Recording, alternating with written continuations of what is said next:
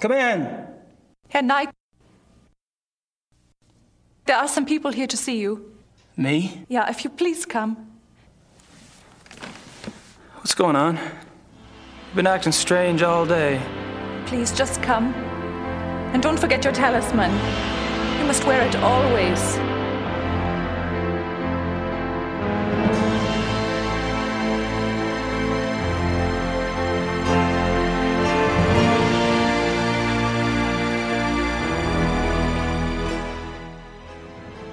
Hello, baby. Velkommen til Lolbua Late Night Edition 1995. Mitt navn er Jon Cato. Jeg sitter her eh, lett antrukket. Eh, kun på meg en silkeshorts og en silkeslåbrok. I min armkrok har jeg min gode venn og tidvis partner eh, Lars. Oh, baby. Yeah. Bes beskriv hva du har på deg, Lars. Jeg har en eh, caps. Uh, Kun en caps. En kortfløyelscaps, uh, bare for det.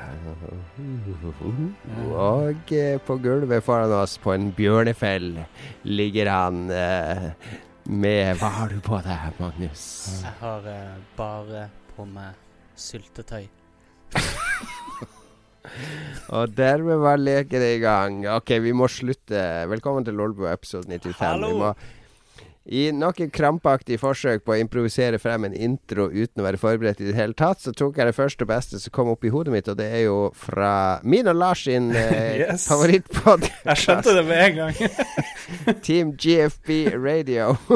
De har I de to siste episodene så har de innført sånn der sensuell stemme, der de prøver å prate erotisk om spill. Som Jeg syns de fikk det til mye bedre enn oss, da. Ja, han, han der partneren til Dave Lang, han har ganske sexy stemme når han vil. Ja, han, eh, han kunne hviska meg i øret. Det, det, Litt sånn raspende. Fordi eh, vi, vi har jo også Det var jo en, en på Facebook som spurte oss om akkurat den podkasten. Han skjønte ikke helt poenget med den, Lars. Poenget er jo at det er awesome. Jeg, jeg tror jeg skal sende han et nytt leserinnlegg. Jeg har jo sendt han før og blitt lest opp på lufta og sånt. Nei, jeg skal spørre, spørre om råd eh, for deg, Jon. Hva, råd har han til en fersk Ja, det kan du godt sende inn. Ja, det kan være litt spennende. De bruker Fersk og svare. fersk. Altså, de de er på episode 50, vi er på episode 95. Så Yes. strengt tatt er jo jeg er mer erfaren enn han. Ja, ikke som CEO. Det var det jeg tenkte. Ah, ja, nå, jeg trodde du mente programleder. Neida, Nei det, Podcast, det er en veldig host. bra, bra podkast. Jeg har jo møtt han Dave Lang. Ja, du møtte han i Montreal. Mm. Oh, yeah. Da han trodde du het eh, Ante fra Finland, eller noe sånt. Ja, det var noe helt, helt forskjellig. That huge guy from Finland. Huge, det skjønner jeg, men uh, Men guide Ja, okay. Han han skulle Ja. lagt til Sweaty, så hadde det vært eh, helt perfekt. That sweaty guy from Det var sikkert fordi du svetta så mye at han plasserte deg i Finland, sånn sauna. Mm. Ah, fordi du drakk så mye vodka. Ja, og broren min han møtte han, og han var mest full, så jeg skjønner ikke helt hvorfor jeg ble ja, ja. I don't know. Fordi du hadde Nightwish uh, allprint. Uh, nok Dave Lang, nok, nok Team GFB. Det er ingen av leserne, lytterne våre som skjønner Team GFB uansett. Eh, vi kan informere våre lyttere om at vi skal ikke legge ned, i motsetning til resten av spill... eh, eh, mediespill... Hva heter det? Spillkulturformidlingsmiljøet i Norge. Vi trapper opp. Vi trapper opp, Ja. mens Level Up og Pressfire trapper ned. Vi kan røpe her på lufta at Rad Crew eh, siste, siste måned med. Rad Crew Veldig de, eh, trist.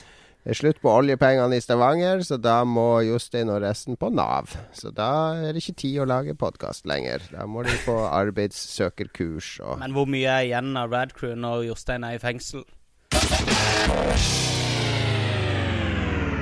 Hei og velkommen til en liten avbrytelse av normale sendinger. Vi har fått beskjed om at da vi spilte inn det her på stream, så var det noen som faktisk trodde at eh, Rad Cruise skal legge ned. Det skal de altså ikke.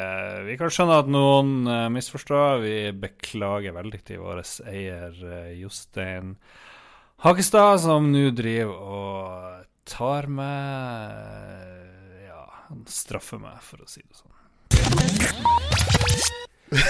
Ja, det er ikke det, det, er mange Vi skal ikke si egentlig årsaken, men, eh, men vi kondolerer med Radcrew og gamer.no. Uh, gir de et halvt år til. Game Reactor. Når, skal vi lage sånn Deadpool for norske spillmedier? Se hvem som er nestemann ut. Oi, oi, oi. Ja, men det er jo trist. Det er jo trist. Jeg, ja, visst VG, VG Rune har bestandig hatt min drømmejobb. Og så har jeg vært veldig misunnelig og sjalu og alt mulig på han. Og nå mister han òg jobben. Jeg trodde VG var litt sånn uh, usårbar, at de gikk bra og tjente masse penger på nett, så at de hadde det der i boks. Men nei da, der skal det skjæres. Ja, de tjener jo penger på noen ting, men så Jeg, jeg føler det er litt som, uh, som Akersmik, det med og Magnus jobba. Mm. Fordi vi hadde, vi hadde liksom spilleavdelinga vår som tjente penger fordi vi var én og en halv ansatt. Og um, omsatte bra, tjente bra med penger. Altså Alle pengene du tjente, gikk ned i det der CD-sluket. Ja. Fordi de skulle holde liv i det enorme varelageret med CD-er som var Akersmik sin profil. Så, så, det nytter ikke om Pressfire har jeg òg hørt eh, går i pluss, mm. liksom. Men det nytter ikke å gå litt i pluss når det som liksom er eh, hovedprofilen eh, mm. spise penger til frokost. Jeg, jeg, vet ikke om det har så mye med profil eller profilering å gjøre i gang. Jeg, hvis du Altså Hvis du ser på hva det er som selger best, da hva de tjener mest penger på, så er det ikke sikkert spillet er der. Det er mulig de tjener penger, men det er, det, er, det er, nok helt sikkert. Altså, de tjener mye mer penger på å skrive en Tone Damli Aaberge-sak, sikkert. Ja. Eh, to sånne saker i uka er like mye penger som ti Pressfire-saker, antagelig. Og nå er det, og, eh, det er nedgangstider i Norge nå, og det, det er ikke unaturlig å skjære litt i det Kanskje ikke døde kjøttet, men kanskje fjerne noe av det som ikke er like forutsigbart. Da. Så ja, det er trist. Ja, de, det er kjempetrist. De, Um, men uh, har de, er det noen andre sånn kulturseksjoner, eller deler av kulturseksjonene, som blir snippa for tida i avisene? Det har blitt snippa jevnt og trutt. Ja. Eksempel VG har jo kutta bokanmeldelser. De anmelder mm. jo bare når det kommer noe sånn Jo Nesbø-kvalitet. Ja, eller popularitet. Men, så, men uh, det har blitt veldig sånn har, Eller det har jo litt med at uh, våre at veldig mange av de som, eh, som er involvert eller eh, ramma dette, her er jo venner av oss og kollegaer. Men får litt sånn inntrykk at det bare er spill da som har havna under, eh, under eh, kniven denne gangen. Men det, det, er som du sier, da. Det virker som det er litt sånn Litt mer over hele linja. At bare kultur forsvinner nå, fordi det er ikke like raskt som resten. da det er ikke bare kultur heller, det er alle de som er gamle, de skal bort. De ja. som ikke er veldig digitale, skal bort. Og det er mm. reelle fjøla. Der jeg jobber, der er det jo 50 journalistene er borte, og det tror jeg er ganske gjengs uh, rundt omkring. I regionavisene i hvert fall. Jeg vet ikke hvor mye det har vært i de store, men der har det jo vært sluttpakka lenge, lenge. Ja. Så hvis du teller nå og for bare jeg vet ikke, fem år siden, så er det himmel og hav i forskjell som ja, det heter. Det faste uttrykket. Nyheter er jo ikke så mye nyheter lenger heller. Det er mer uh, underholdning. Så ja. uh, det er liksom uh, Det var som Du hadde en veldig fin analyse på dette tidligere, Lars, på Facebook, med at med åssen Facebook uh, f.eks. Uh, paradoksalt nok mm. var de som på en måte funka som en slags sånn portal for folk. Så der en ser interessante nyheter, popper opp til toppen, dukker opp i nyhetsfeeder, og da leser man den ene nyheten. Så går man tilbake til Facebook og fortsetter å scrolle nedover. Mm. Så er det noen som linker til en annen nyhet fra en helt annen avis. Så leser du den, og så går du ut igjen, og så ser du en kattevideo til slutt. Så og så er det Facebook som tjener penger på det her. Ja, ikke sant? For det meste. Men det er det, jævlig irriterende. Men det virker nesten som liksom å drive og at det er liksom blitt en nisje nå å drive med nyheter. Eller sånn. Mye mer en nisje enn det var før. da Og at det er de som er totalleverandører av alt interessant på internett, at det er de som er på mm. toppen nå. Så det er blitt hevda òg at når man da kutter spill, så er det fordi man ikke ser på spill som et sånt verdig kulturuttrykk, eller at det ikke er like høyt prioritert. Og det stemmer sikkert, men jeg vet ikke om jeg kjøper helt den. Nei, kanskje, nei, jeg tror det er mer over hele fjøla. Men, men så naive er ikke Altså Hvis de ser bare på bunnlinja, da Hvis de ser hvor mange klikk de har på spillsager versus uh, boksager, f.eks. så, så, blir nok spill eh, en ganske mye mer interessant et, Eller et ganske mye mer interessant kulturuttrykk for dem når de ser at, at mm. Uh, uttellingene Jo, men i, igjen, hvis vi ser på bunnlinja, så trumfer Tone Damli i Berge 2. Det er litt ja. sånn som når, når Narvesen de hadde sånn stor uh, satsing på spill for 15 år siden. Husker du det? De lagde ram, ram og rom-konseptet og de skulle selge spill. Og det som det, det, som det endte i etter et par år, var at de bare regna på omsett Narvesen og Reitan. De har e, e, ett regnestykke som gjelder for butikkene ja. sine. Det er omsetning per kvadratmeter. Ja. Og fortjeneste per kvadratmeter. Og for spill så var den altfor lav. Det var mye mer penger i å, å selge pølse og tyggis. Ja, og sigaretter. Ja, enn å, å, pushe de her spillene. Mm. Men det er jo ikke en egen Tone Damli-seksjon i redaksjonen. Det er jo en egen spilldel. Nei, det er jo blitt mye mer en, en egen kjendisseksjon i avisene. Eh, men, men, det er jo òg noe med, med media nå, at du skal ikke ha spesialister lenger. Alle skal skrive om alt. Mm. Fordi Egmont eh, mm. Nå blir det veldig sånn mediespesifikt her, så vi, vi skal gi oss snart. Men Egmont, f.eks., de kutta jo veldig mange journalister nå.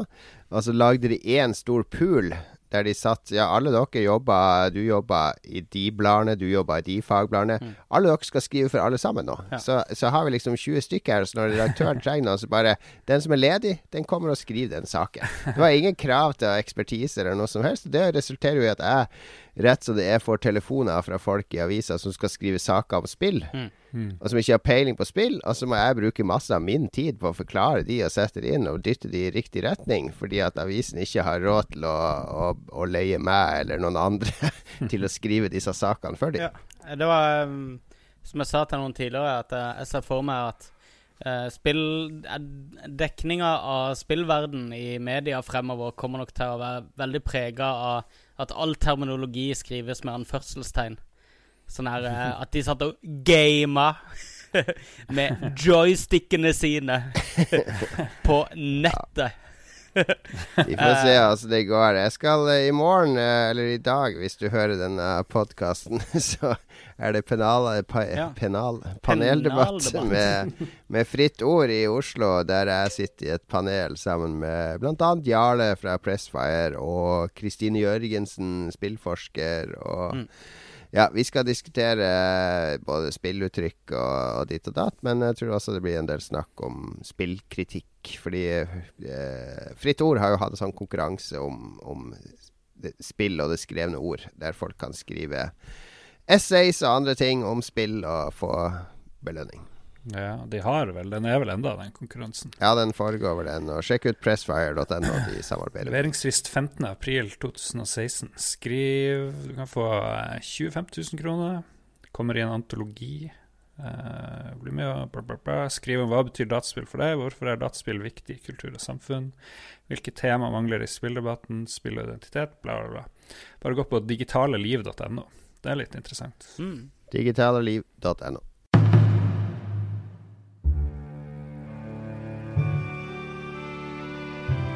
transcending history and the world, a tale of soul and swords, eternally retold.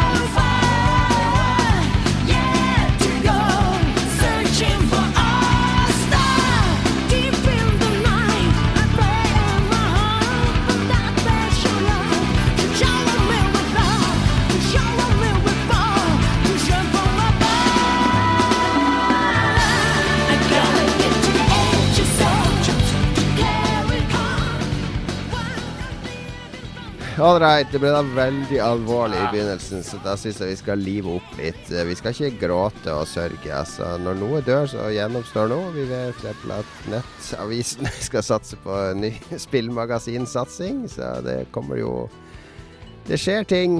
Det er vår, vinter, eh, sommer og høst. Alt går i sykluser. Så selv om det ser mørkt ut nå, så kan det lysne fort. Vi lurte det inn med erotikk, og så rett inn i et, uh, en hengemyr med bransjediskusjon.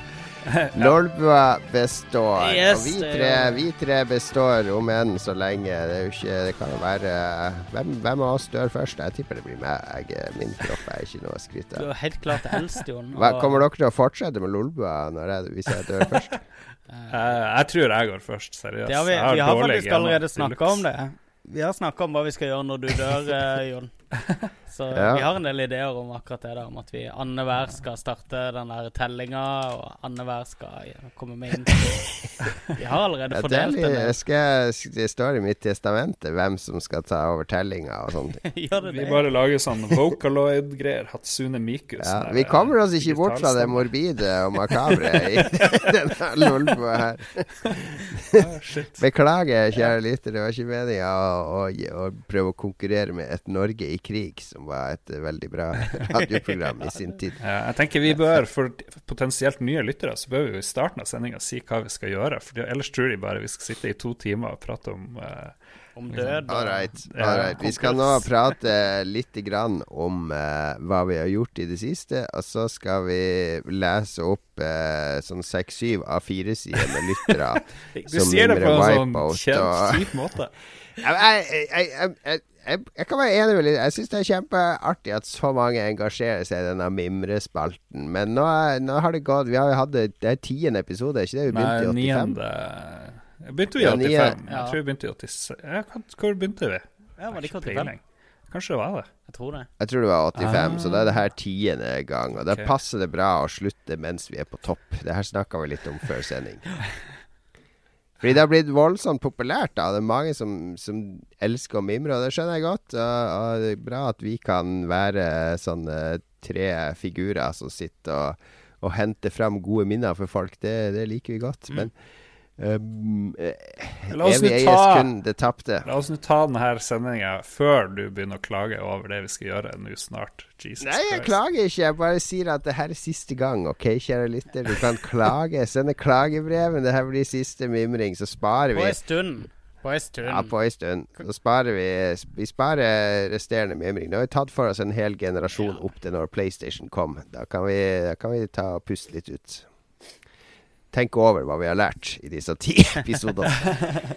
Men før den tid, hva har skjedd i det siste? Jeg, eh, jeg kan begynne for en gangs skyld. Jeg har. Min kone hatt bursdag, så jeg tok sånn mm. overraskelsesstunt. Det gjorde jeg jo i fjor òg. Da la jeg sånn surprise party med alle vennene. Men i år så booker jeg sånn uh, rom på The Thief og litt spa og femretters middag og, og sånne ting. Så det var en eh, flott overraskelse på fredag. Der rusla vi ned på Aker Brygge. The Thief er jo, for de som ikke vet det, er sånn Petter Stordalen luksushotell med tilkobla spa. Og det er, det er, sånn norsk luksus, da. Sånn der liksom luksus. For oss som har bodd i Dubai på seksstjerners, så er det, det er mye å strekke seg Nei, men det er sånn eh, du kommer, Rommene er veldig fine, da. Alt er nytt og fresht. Og, men det er litt den doen var ikke spesielt fin, egentlig. Litt sånn billig. Men uh, det er sånn Ikea-preg her og der, da. Mm. Sånn, sånn liksom luksus. Mm. Og så er det masse sånne uh, Dildal-pynteting fra uh, Living eller whatever. og så Altså Alt er fancy, så alle prater sånn konsekvent engelsk av de som jobba der. Ja. Sikkert for at du skulle føle at du var litt i utlandet. eller at du ikke skulle høre at alle var svensk. En av de to. Um, altså etter vi hadde spist middag, da Vi spiste sånn femretters middag på den restauranten der som heter Fru K, som for så vidt var ganske god, bortsett fra desserten, der de kom med noe sånn der uh, appelsinsorbé. Sorbé, det fatter jeg ikke hva, hva folk liker for. Is er, jo, is er jo mye bedre enn sorbé. Sorbé er jo som å spise snø, som noen har helt en eller annen smak på. på bærtur her nå. Det er som å spise kram snø. Nei, Kom igjen. Det er det beste, Nei, det, er det beste kompromisset mellom saftis og fløteis. Ja, her, er, her er Jon Cato på The Thief. Synne! Synne, kan du skal sjekke inn? Snakker du ikke norsk? Snakker du ikke norsk nok, voksne? OK, nå går vi opp på rommet sine. Kom igjen. Sorbé! Sorbé igjen! Ja, det var litt sånn Du er ikke langt unna. Er ikke langt unna. Men så når vi kommer opp på rommet der etter middagen så ligger det sånn svær uh, julekalender på senga, da. Eh, som spa-julekalender og, og, sånn. Og, og, vi bare Å, så hyggelig. Det er sånn luksushotell. Og så åpner du julekalenderen, så står det der Denne kan du beholde for 500 kroner. Sånn. Det, men det er sånn falsk Det er sånn norsk luksus. da Hadde du vært på et ordentlig luksushotell, så hadde de faktisk gitt deg sånne ting, så at du hadde følt deg luksuriøst behandla. Men det er sånn der, eh, Og så satt de noen sånne tekopper der. Og så vet du at hvis du drikker den teen, så er det sånn Å ja, du har drukket en te, ja, det er 200 kroner ekstra. det er sånn der eh, Det er sånn uh, tulleluksus. Ja, riktig. det, det, er sånne mikrotransaksjoner i hotellopphold, ikke sant. ja. Når du først betaler mange tusen for det som skal være luksusopphold, så trenger du ikke å slenge sånne mikrotransaksjoner etter meg. Men uh, kanskje det de Kanskje det du kjøpte var veldig luksuriøst og dyrt for din del, men for de som drar på sånne hoteller, så er det kanskje det billigste rommet dere har vært på. Nei, sånn ja eh, hvis, uh, hvis, du hadde var, vært uh, Det er betraktelig dyrere enn uh, en gjennomsnittsprisen på et hotell ja, ja, ja, men så, så drar du opp et par etasjer på hotellet der. Og da er det bare drikk så mye te du vil, Jon Cato. Det eneste som var over vår standard, det var sånn uh, svi, svite på toppen. Ja, svite. Liksom. Så vi var nest øverst. Men uh, ja. Så vi hadde Det kosta mye penger, altså med brukerpenger på min kone. Ja, jeg skjønte hun hadde bare fått en bukett med roser på jobben og beskjed om å komme ned på The Thief. Ja, ja, ja, Mr. Romantic. Ja, Mr. Romantic vet å slå til. Sånn sier Jon Cato han sjelden viser i offentligheten. Det var derfor jeg kanskje var inspirert til den litt erotiske introen ja, her. Fortsatt det, ja. uh, den romantiske sida har ikke helt blitt begravd ennå. Men det var, ble en hyggelig helg. Altså, jeg klager jo bare for å klage litt nå, da, men det er litt sånn Uh, det er et eller annet med de Petter Stordalen-hotellene. Jeg har bodd på mange Choice-hotell som, som, byr meg litt imot. Det er noe mm. sånn fasade over det.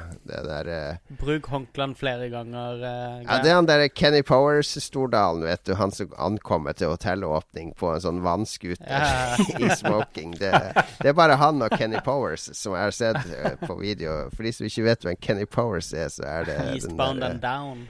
Eastbound and Down-serien. Fantastisk morsom amerikansk komiserie. Du får ikke god smak selv om du har masse penger, vet du. Det er vel, det er vel der det ligger. Han åpna et hotell i Sverige ved å rappellere uh, utfor uh, fra taket. Han kom løpende ned langs veggen på det. ja, det gjorde han i Tromsø òg, da de åpna The Edge. Sånn. Ja. Han kn knuste en gitar òg, husker jeg, i Oslo. Ja, han hadde en, um, en uh, bransjefest han hadde, så sto han og spilte i uh, skinnskjørt. Uh, og sto DJ-er med en frakobla DJ-pult. Uh, og ja, og brant en gitar, hæ? Det gjorde han òg en gang. Knuste og brant en gitar. Jeg liker folk som går sine egne veier. De ansatte han, elsker han jo. Ja, ja, ja, ja, jeg kjenner ei som jobber ja. her, så, så, jeg tror han er en bra sjef. Jeg tror han er en motivator og alt sånt, men uh, det det, han er litt sånn, sånn Norwegian òg. Det er også fine fly og alt mulig sånn, men det er også noe som skurrer bak fasaden. Det som er med Stordalen, er at jeg, jeg kjøper litt uh, intensjonene hans. Sine. Det er klart Han er ute etter å tjene penger og sånn, men jeg, jeg tror jeg, jeg, tror han prøver å være Å gi tilbake og alt det der svada, som ja. han sier. Jeg tror ikke han er Han slår meg ikke som Ja, sånn som Norwegian, som Kjos, liksom. Som er mer enn sånn Nei, vi må, vi må få komme til bunns i det her. Så Magnus, du får skaffe han som gjest i neste sending. Skal vi ha uh, Bjørn Kjos og uh, Kjos og, og Kjos og eller Stordalen. Og så kan de ha sånn duell i Coolhead. Jeg foreslår ja. vi heller inviterer Kristian Valen, så kan han være begge to på en gang. Og seg sjøl, som en sånn her uh... Ja, du har nummeret til Valen, har du ikke det, Lars? Uh, nei, jo, kanskje. Jeg vet ikke. Nei. Ok. Ja, nei, det var min uh, historie. Det ble ikke så lang som sist. Jeg lover det blir lengre historie neste uke, for da har jeg både julebord og Slayer-konsert og andre godbiter mm. å dele fra. Mm. Ja, for den varte jo bare ett kvarter, det her eh, The Thief og eh, Stordalen-klaginga. Gå videre, Lars. kom igjen, kort og konsist. Kort og konsist? Ja, Få det overstått. Kom igjen, nå. Riv av plasteret. Jeg ser hva du har skrevet her. River og trening, hva er det for noe? Um, ja, eh, det var jo litt morsomt. Etter at jeg klagde mye på Jessica Jones i forrige sending, så ja. Var jeg lei det. Og så har det Netflix reklamert mye for det her River, en sånn ny engelsk uh, TV-serie fra BBC. Selv om det står at det er original Netflix, så er det jo BBC som sikkert de, sammen med Netflix da, som har finansiert det her. Og det er samme dama som skrev Eller Maren, jeg klarte ikke helt å skjønne kjønnet, som skrev um, den her Margaret Thatcher-filmen. Dette 'Something' hva nå den heter. Denne Meryl Streep? Jeg tror det var noe sånt som liksom lurte. Så hun ja. er vel flink og alt det der. Og det var Stellan Skarsgård i hovedrollen som, som etterforsker. Og så, akkurat som Jessica Jones, så ser han jo ting i hodet sitt og er plaga av uh, ja, hun får nå flashback og ditt og datt, ja. så hun ser jo ting. Magnus Tellefsen, shut up. Eh, og, og driver slit. Og jeg etterforsker akkurat som Jessica Jones. Jeg tenkte mm, det her kan jeg sammenligne. Så, eh, enten så er det fordi jeg mislikte Jessica Jones veldig, men det her er The River fremstår jo som verdens beste TV-serie. I hvert fall eh, akkurat nå, syns jeg. Det finnes sånn... to TV-serier, og eh, det er enten Jessica Jones eller River. Så hvis du ikke likte Jessica Jones, så kommer du til å mm. like River. Absolutt. Yes. Nei, så jeg skal ikke gå i det lange og brede, men utrolig bra skuespill. Jeg er blitt veldig fan av han Stellan Skarsgård, og så ligner han litt på en sånn onkel av meg, og så begynner jeg igjen å tenke Og så er han så veldig sårbar og sånn, jeg vet ikke, og så tenker jeg litt på faren min, så jeg blir veldig sånn for veldig omsorg for han her eh, Stellan Skarsgård-figuren. Det er litt sånn merkelig Det er sikkert det, Jeg får sikkert mer ut av det enn de, enn de mente jeg skulle få ut av den eh, TV-serien. Men jeg anbefaler den, altså. Spennende uh, mysterium. Jeg bør gi han litt tid, for den er litt treg, den første episoden. Ja, jeg, jeg har bare sett første episode. Jeg, det ble veldig BBC, da, syns jeg. Det var det inntrykket jeg hadde etter første episode, i hvert fall. Uh, veldig sånn klassisk BBC med uh, klassisk mm. engelsk politi og Ja. Men uh, jeg, jeg syns det var litt tregt, litt kjedelig, så jeg har ikke sett videre mm. på det. Men jeg liker jo Skarsgård, så um, det er en viss sjanse for at jeg henter meg inn igjen der. Det. Tenkte. Ja. Nei, men det får holde fra meg. Det var alt. Jeg tør jo ikke si noe mer. Nei, Nei Jon Cato sitter her og, og, dunker fingeren på klokka, ja, som han alltid gjør når vi snakker. Nå er det Magnus. yes. Har du noe å dele utenom ditt spennende BI-liv, og at du sikkert har binge-watcha fem nye serier? Jeg hadde eksamen i går, faktisk. Oh. Og eh, Nei, jeg skal ha ny eksamen om ei uke til, så jeg driver og jobber litt for å bli ferdig med det. Men, det er mye, eh, det er mye prestisje. Det er mange som jukser på BI. Det er liksom det koster mye. Er det det? Ja, men prestisjen ligger i å uh, de, der, de der smarteste juksemetodene, da. Så mm. jeg har da tatovert veldig mye av pensum på kroppen. Uh, og så ble jeg syk til den eksamen, så jeg vet ikke helt hva jeg skal gjøre med det. Men Um, nei, jeg vet ikke. Det er sånn ikke. som han i den TV-serien hans blir satt i fengsel, så har han tatovert uh, kart over ja. fengselet på kroppen. det, det må være det dummeste premisset for en moderne TV-serie i historien. Ja, helt utrolig. Det hadde vært så kult hvis de var sånn her Ja, uh, vi må flytte deg til et annet uh, fengsel fordi det har vært en bombetrussel Uh, Nei, nei, nei! nei, da trenger vi ikke det! Um, jo, og så har jeg gått glipp av en konsert. Og jeg kommer jo til å gå glipp av enda en konsert nå til helga med uh, Slayer Antrax, som du skal på, Jon. Og um, for et par dager siden så gikk jeg glipp av en konsert med Today Is Today på Blitz, som jeg hadde gleda meg litt til å se. Altså Hvis du skal se sånn på det, så går du faktisk glipp av konserter hver dag. For det er konserter i Oslo hver eneste dag. Du vet, Økonomer de måler uh, ting de går glipp av, som kostnader.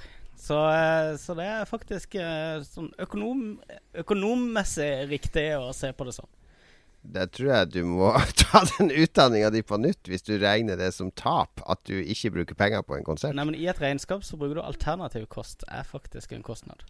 Uh, eller i et budsjett, mener jeg. Men, men, uansett så uh, uh, Så er det jo kun de konsertene jeg virkelig, virkelig hadde lyst til å dra på. Og som jeg hadde lagt opp til å dra på på forhånd, som det er litt surt å se forsvinne. Ja, I fjor på den for... tida så gikk jeg glipp av Mastodon-konserten, f.eks., på Sentrum Scene, som folk fremdeles snakker om. Så det var veldig, ja, men de fikk du jo med deg på øya i form av In Flames i stedet. Ikke sant? Så avlyste de på øya.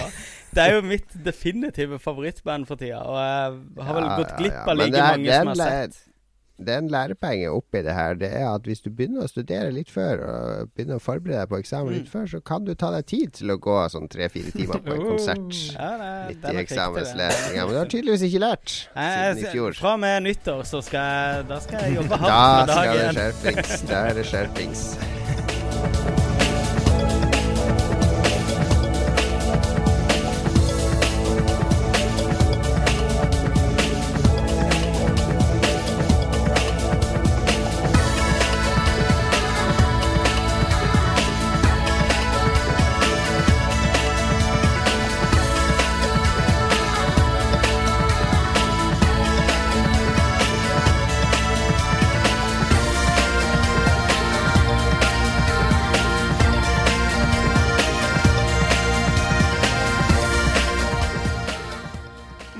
1995. Hvilket år? Det var det året meg og uh, Lars og våre andre Oslo-venner gikk til byen hver lørdag. Uh, vi så på PlayStation på Akersmik. Vi så på Arkademaskiner på Spiderman. Vi spilte flipper i kjelleren på Videonova. Uh, vi kjøpte brettspill på uh, Hva heter det? Um, Spillspesialisten Outland. Avalon. Outland. Avalon. Avalon var det vel. Ja. Og så kjøpte vi dårlige Hongkong-filmer på Videonova og Akersmik med Sammy uh, Ja. Hvor var, det, hvor var han serberlederen jobba? Uh, hva det heter. Det var fa Fanatico. Fanatico. Fantastico. Eh, det, det, var, også en brettspillsjappe. Det var jo Balkankrig. Den ble jo over i 95, faktisk. Så det var jo derfor vi kalte Ja, det stemmer. Det var derfor vi kalte han for serverlederen. For var, det, var, det, var, der som Magic-miljøet i Oslo var i 95-96. Mm. Når det starta da, vi var med Magic helt i starten da, så vi, da solgte de fortsatt sånn Legends boosters og Alpha boosters for en hundrelapp og sånne ting. Kunne ha kjøpt en pakke boosters da og, og tjent oss rike i dag, men, eh, men, hvem skulle visst det. Men da var det kjelleren på Fantastico. Ja. Det var rett ved Stortinget. I en kjeller der så var det sånn alternativ spillsjappe til uh, Avalon, som hadde, hadde all makt på den tida. Fantastico var liksom utfordreren. Og under trappa hadde de satt opp noen bord, og der, satt, der dro vi og spilte Magic og bytta kort og litt sånn. Ganske slitsomt, egentlig. Det var veldig var morsom den timen, men en litt sånn slitsom gjeng. Veldig høylytt og, intenst. Det var den han uh, Funcom-sjefen uh... Ja, det er, han, det er han som er serbeleder. Er det det, ja? ja det var han, han, var veldig opptatt av at alle skulle være bak en sånn usynlig strek ja. som han hadde tegna på gulvet. da Så når de Magic-folkene De ble veldig høylytte, og de grisa jo og sølte sjokomelk og og boosterpack-poser som de mista på gulvet og sånn. Så når de nærma seg disken for mye, så kom han løpende bort og bare Bak streken! Alle bak streken! Bak streken! Ingen over denne streken! Kun Magic bak her! Så han var veldig opptatt av å ha disse grensene. Jeg husker han. Jeg var Jeg gidda ikke å være med og styre så mye med Magic. Jeg var mer interessert i den der uh, Dalek, den der Dr. Who-flippermaskinen. De hadde der. Den var helt konge. Når den begynte å dure i gang med teamsangen fra Dr. Who. Det var jo helt genialt. Exterminate, exterminate doctor! Nettopp. Jeg skrev en liten jeg skrev en liten noen eh, linjer. Jeg drev og kjeda meg, så jeg tenkte liksom Hva skjedde egentlig i, i 95? Har dere lyst til å høre? Det var derfor jeg visste at uh, serberkrigen var ferdig i 95. Vi har så lite vi skal gå gjennom fra 95, så det var bra du skrev noe ekstra. Få høre det. nå har du, nå du dempa lyden din helt bort, forresten, Jon. Så det er helt greit for meg. Ja. ok. Og nå forsvinner Jon helt. Ja. Nei, jeg, jeg, er ikke her nå. Ja, er, du er her. Nå er du, du back. Uh, skal vi se Jeg tok med litt av hvert. Skal vi se Toy Story, Coolio, Windows 95, Ace Ventura 2. Mr. Bombastic. Televerket ble Telenor. DVD introduseres. Filmen Heat, Take That, 12 Monkeys og Oasis. Norge vinner Melodi Grand Prix, så det var et godt år for film og et dårlig år for musikk. Eh, du, vi vant jo med Nocturne. Det er jo en av de fineste Grand Prix-låtene. ever. Jo da, den var grei. Og så kom Left Field med den Leftism eh, det året. Ja. Så Segmen med Metropolis. Java ble introdusert. Eh, Ramstein ble litt kjent. Bjørk med Post. Brønnøysund Avis er den første norske nettavisen to dager før Dagbladet. Det hadde jeg glemt. Det tror jeg jeg visste. Men uh, ja. Quiz-spørsmål. Quiz-spørsmål. Balkankrig, ja. Og OJ Simpson blir funnet ikke skyldig. Åh, oh, enda mer OJ Simpson. Jeg måtte jo ta ham med. Ja, du måtte jo. Du måtte det. Ja, det var det. Yes. Kult år, kult år. Men hva skjedde i spillåret 95? Masse. Det har vi en uh, haug med uh, vitnesbyrd på fra våre uh, lytterlesere. All right. Um, så Lars, du sa at uh, du ville ta på deg denne oppgaven med å lese opp alle innsendte Opp til absolutt alt? Ja, ja, var det ikke det du sa?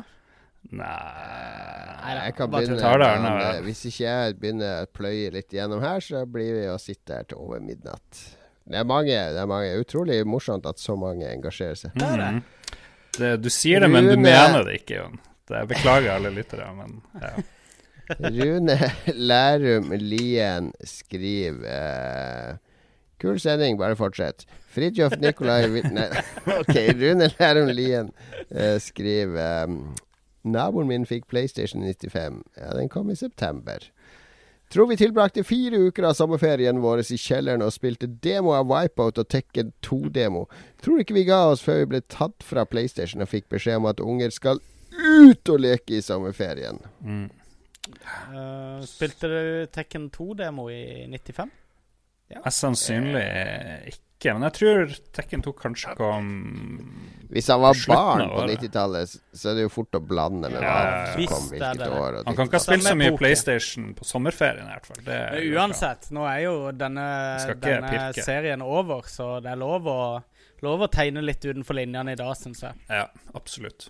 Vi er ja. ikke nazier. Fikk vi nevnt nazier? Men det var jo det var, det var, veldig mange som ville ha PlayStation i 95. Vi forhåndsbestilte jo på Akersmik. Lars mm uh, troppa opp 29.9. Betalte 4000, husker jeg, for PlayStation, og spillene kosta 500. Og jeg kjøpte uh, Jumping Flash og Battle Arena Toshinden. Jeg var ikke på Ridge Jeg var ikke så interessert i Ridge Racer. Men du kjøpte Ridge Racer, ikke Kunne man kjøpe Wipeout da, tror jeg kanskje? Nei, det kom i oktober. Ah. Det kom en måned etter. Ja. Jo, jeg spilte masse Ridge Racer. Det var, det var meget bra. Men det her Jumping Flash var jo et kongespill. Det har jeg masse gode Ja, det var veldig kult. Og så kom jo Raid nå, det husker jeg også var kult. Men det var litt sånn irriterende at det var sånn arkadeskjerm, så du brukte bare sånn liten stripe midt på skjermen. det var mye dårlige tekniske løsninger der. Det som var bra med Battle Arena Toshin, jeg vet ikke om det var du eller jeg som fant ut sånne kode for å fryse bildet. Så det kom i sånn fotomode, så kunne du fære og kikke ja, under skjørtet på uh, de her damene. Og Sofita. under skjørtet på Sofita, eller hva hun heter. Ja. Det, er, det er Soul Caliber. Sofitia. Ja. ja, det, er det, ja, det var ei av de her uh, vertene. Så det var liksom Dead or Alive. Mm. Prequel. Whatever. Mm. Fritjof uh, uh, Ja, nå går jeg videre, for det Ja, vi, Hvis noen andre nevner PlayStation, så trenger vi vel ikke å ta med de, da. Nei, så. da hopper vi over alle som sier PlayStation. og 1995. uh, OK, ta Fridtjof, da. Fridtjof Nikolai Wilborn forteller at han syns det var en nedtur at vi slutter med spillåret-temaet. Det er det desidert morsomste vi gjør i Lolbua, visstnok. Ja, mm. Det Beklager å dra lolbua ned på et betraktelig lavere nivå fra og med neste sending. Det Vi får se. Det er ofte at, uh, at uh, Altså, hvis du uh, har gått gjennom hele livet ditt og bare spist McDonald's-burger, så tenker du at det er ganske god burger helt til du går på f.eks. Munchies eller Tommys Burger Bar eller Burger King for den saks skyld, og plutselig får oppdage en bedre burger. Så det det at du har funnet noe som du liker, Lolbua, er veldig kult. Men uh, tenk om vi klarer å lage noe enda kulere. Det er sånn man må se på det. Det betyr jo at vi er i stand til å lage kule ting. Så uh, hvis ja. vi fjerner det, så åpner vi opp muligheten for at uh, vi kan fylle det med noe som er enda kulere. Eller mye kjipere, som ja. jeg vil si det er en 70% sjanse for at vi kommer til å lage det, det er som Harald Heide Steen jr. sa. Evig eies kun det teipte. mm, skal vi se. Tom Ødegaard uh, at Big Hurt 360 sier A. Suikoden. Og så lurer jeg på om jeg sier det rett, for han skriver spillet man aldri visste å uttale riktig, men så bra, så bra. Er det Suikoden? Jeg vet ikke. Jeg har ikke peiling. Du er den eneste her som snakker uh, japansk flytende. Du har bodd i Japan. Og studerte og bodde i Japan, så det, jeg håper det var retorisk, det spørsmålet. Hvordan ville du sagt sui-koden til en japaner? Jeg ville jo sagt suiko-den, eller noe sånt, men uh, ja. Gud vet, vi må søke på det. Du, du ville sagt Hey, Mr. Japanese man. This suikoden Suikoden What, what's this kind of game? Uh, spoiler alert, fortsetter han. Jeg gråter da Gremio døde. Seks spillbare helter i kamp og 150 personer å samle til festningen sin, som ble større jo flere man rekrutterte. Jeg tror jeg aldri klarte å bli ferdig med Suikoden, uh, og heller ikke nummer to. Men det, jeg har prøvd. Sist lasta ned Suikoden på Vitaen. Jeg lurer på om det uttaler seg Suikodin. Da. Da, den franske Nei da. Um, Suikoden har jeg Jeg har alltid kalt for Suikoden. Uh, men jeg har aldri spilt det, faktisk. Det, det som er morsomt med det, for jeg gjorde litt research på det spillet til en quiz, det er jo at det er basert på en sånn kinesisk roman mm. om, eh, om noen sånne 100 helter. Så at grunnen til at det er sånn 150 folk å samle, er at hver person er basert på en sånn person i den kinesiske romanen. da. Mm. Så det er, eh, det er, faktisk litt dybde utover å bare lage et spill. Det, det har et kildemateriale som man kan gå videre med for de som er fan av sykoden. Og alle stemmeskuespillerne, for å være de 150, levde faktisk i to år som den figuren de skulle spille som. Riktig, I forkant av innspillinga for å leve seg ordentlig inn i rollen. Ja, nå fikk dere én fakta og én fleip, så må dere, dere kan ikke gjette hvem, hvem, som hadde fakta, og hvem som hadde fleip. Neste, da. Klarer du å ta en Tom, eh, Lars? Eh, det har han allerede gjort. Det gjorde jeg, mister. Ja, det, var, det var Tom, ja. Oh, yes. Det er det meg som er neste. Han, han eller hun René Bjerknes Olsen. Ja. Stemmer. Jeg føler René med to e-er, er det ikke det som ofte sier det der René når det er på engelsk? René, det er ja. mm. René er, det er, det er jentenavn for meg, er det ikke det? For dere? Jeg forbinder det med guttenavn med én E og jentenavn med to E-er. Jeg tror bestemt det må være en gutt. Jeg tror det, altså. okay. Han, René i hvert fall føler seg veldig Føler seg lurt av verdifull tid i lunsjen. Uh, ok, det her har med julekalenderen vår som vi må nevne. Vi har jo en julekalender på gang. Oh, ja. Så uh, ja. ja. Og vi, vi, la vel ikke skjul på at dagens julekalender, som vi spiller nå inn 1.12., ikke var verdens beste julekalenderluke. Det var det ikke. Hva? At vi skal ha Er ikke, ikke sending? Er helt sending to timer nesten med underholdning for oss? Er det en dårlig luke? Nei, det var jo det som var i luka. Nei, vi sier det var bra. Men det er jo spille... Julekalender, det som er bak luka, skal være en overraskelse. Det er jo ikke noe overraskelse at vi skal ha sending, det sa vi jo i går.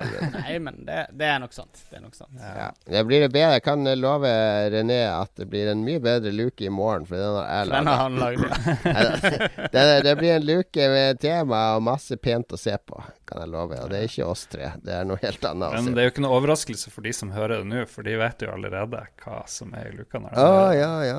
Men da, vi kan ikke ja, Nei, men vi er jo på stream, ja, nettopp. Det var jo det. Ja. Ja. Okay, men vi, ja, vi skulle ikke snakke om den streamen, Lars. Det er du som alltid sier at vi ikke skal snakke om den streamen. Jeg syns godt vi kan snakke om den streamen.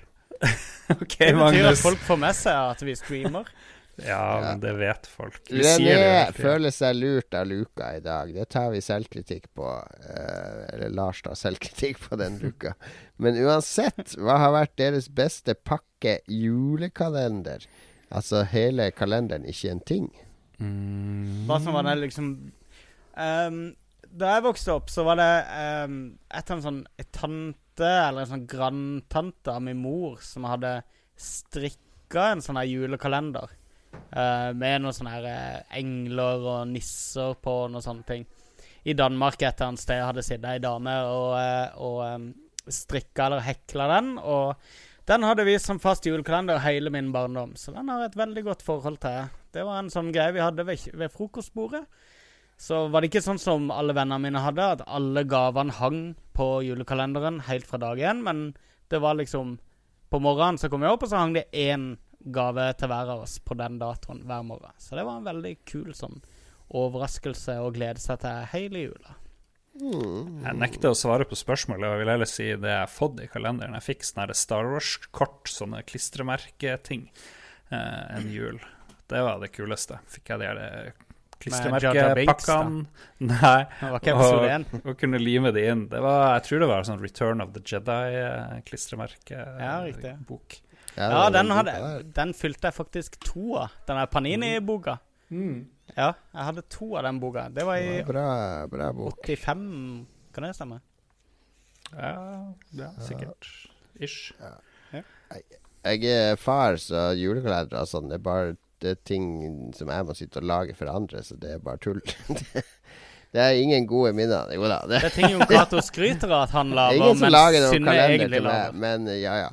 Eh, det, det, er eh, andre fedre de får sånn øljulekalender med en øl hver dag og sånn, har jeg sett. Men eh, kanskje min kone hører på det her, så kan ta det Vi tar det indirekte, litt sånn passiv-aggressivt. Jeg lagde et par år julekalender til mamma etter at faderen døde. og ja. faktisk før òg. Ja, det synes jeg. Det, de har jo gjort mye for deg, så da tenkte jeg kunne de sendt deg i posten og hadde de en pakke å åpne hver dag. Oi. Det, var, det var stort av deg, syns jeg. Men jeg husker en julekalender jeg lagde for min eldste sønn, fordi når han var fire år så flytta jo hans biologiske mor til USA, da, så jeg ble alene, fikk aleneomsorg for han da. Og da drev jeg og jobba og anmeldte spill og jobba i manual og ditt og datt.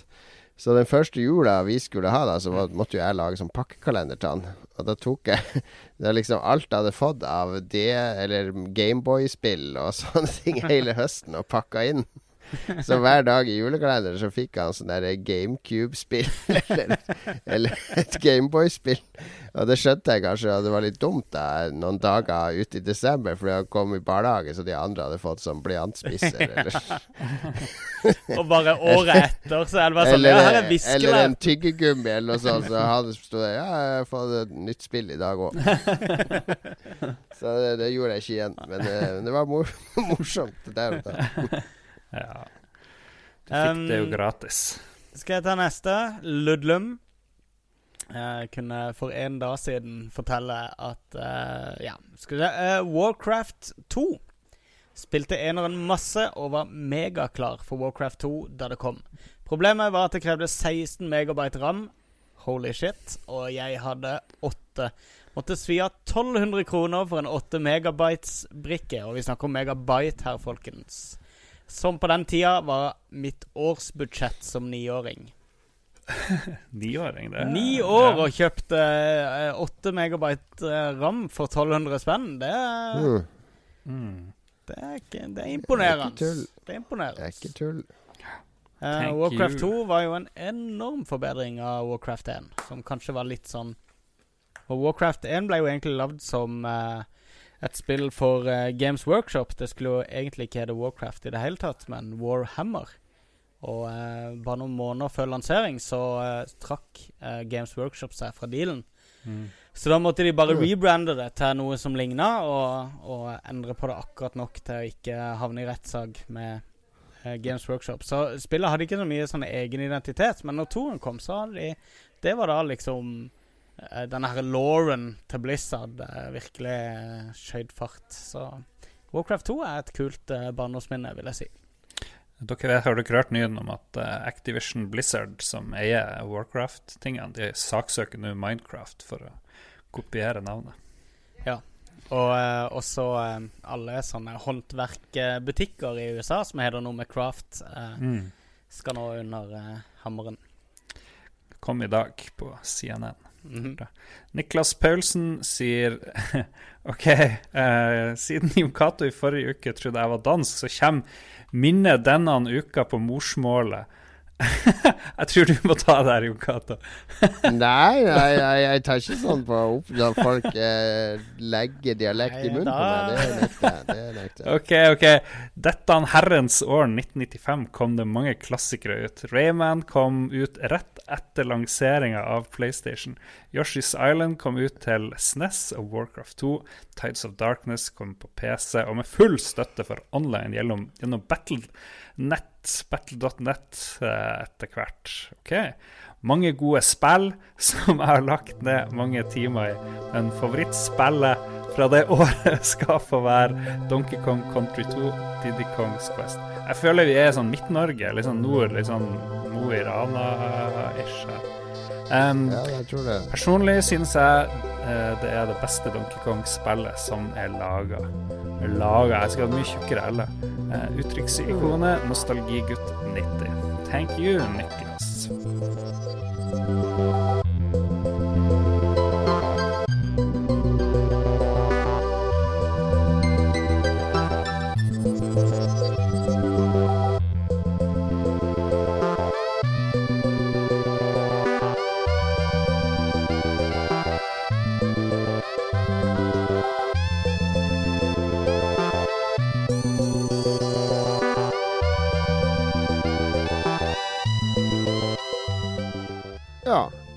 Diddy Kong eh, Eller Donkey Kong Country 2 eh, var kjempebra.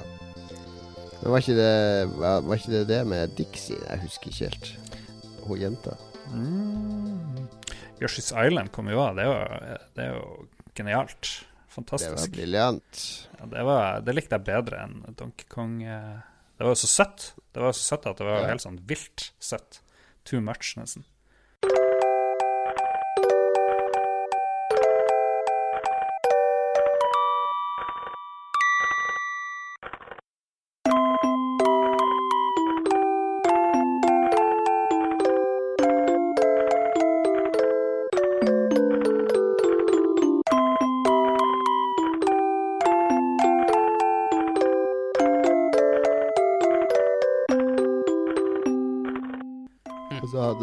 Kule gigant-sprites. Sånne der eh, skalerte sprites på bossene så de ble fylt i hele skjermen. da Det var veldig kult. Yoshi's Island-musikken, den husker jeg. Hører jeg sånn, i hodet mitt ja. uh, nå, faktisk. Litt plagsom. Jeg hører den faktisk i bakgrunnen her, Lars. Ja, det er jo magisk. Jesus Christ. Helt magisk. Ja, nei, det var mange gode minner fra Niklas Paulsen uh, her. Uh, enig med mye her. Rayman òg var jo faktisk ganske kult når det kom. Ja. Og det er neste ja. innsender òg enig i, nemlig Jan Christian Hegel. Reimen husker jeg godt, men bare første level, siden jeg aldri eide en PlayStation. Jeg hater PlayStation! Xbox får det vinn! Gå, man Xbox Ja, han skrev ikke det, da, men han eide alltid Han mente det. Ja. han er jo Xbox-ambassadør, da. Ja. Uh, men uh, de spilte første level på nytt og på nytt igjen, uh, samtidig som de hadde uttrykksikonet Tang. Så de tungekyssa mens de spilte Rayman. Rayman. Uh, Rayman var Rayman. vel uh, det første spillet på PlayStation uh, jeg ble sånn superinteressert i. Det, det snakka skikkelig til meg, følte jeg. Sånn her veldig humoristisk tegneserie-plattformspill. Og jeg husker da jeg spilte det for første gang. Da var jeg på besøk hos en Hos min bror som gikk på kunstskole i Stavanger på den tida der. Mm. Og da var vi hjemme hos en kompis av han og uh, spilte PlayStation. Og han hadde, han hadde sånn super stereoanlegg også. Det var første gang jeg liksom oppdaga at du kunne koble spillkonsoller opp mot anlegg for å få sånn superlyd. Det var ja, veldig kult. Det var ganske crazy type, forresten. Min bror gikk jo på kunstskolen der, og alle der var jo veldig sånn her eh, Veldig sånn eh, superfrika eh, kunstnere, og alle skulle liksom sjokkere og pushe grenser, da. ja.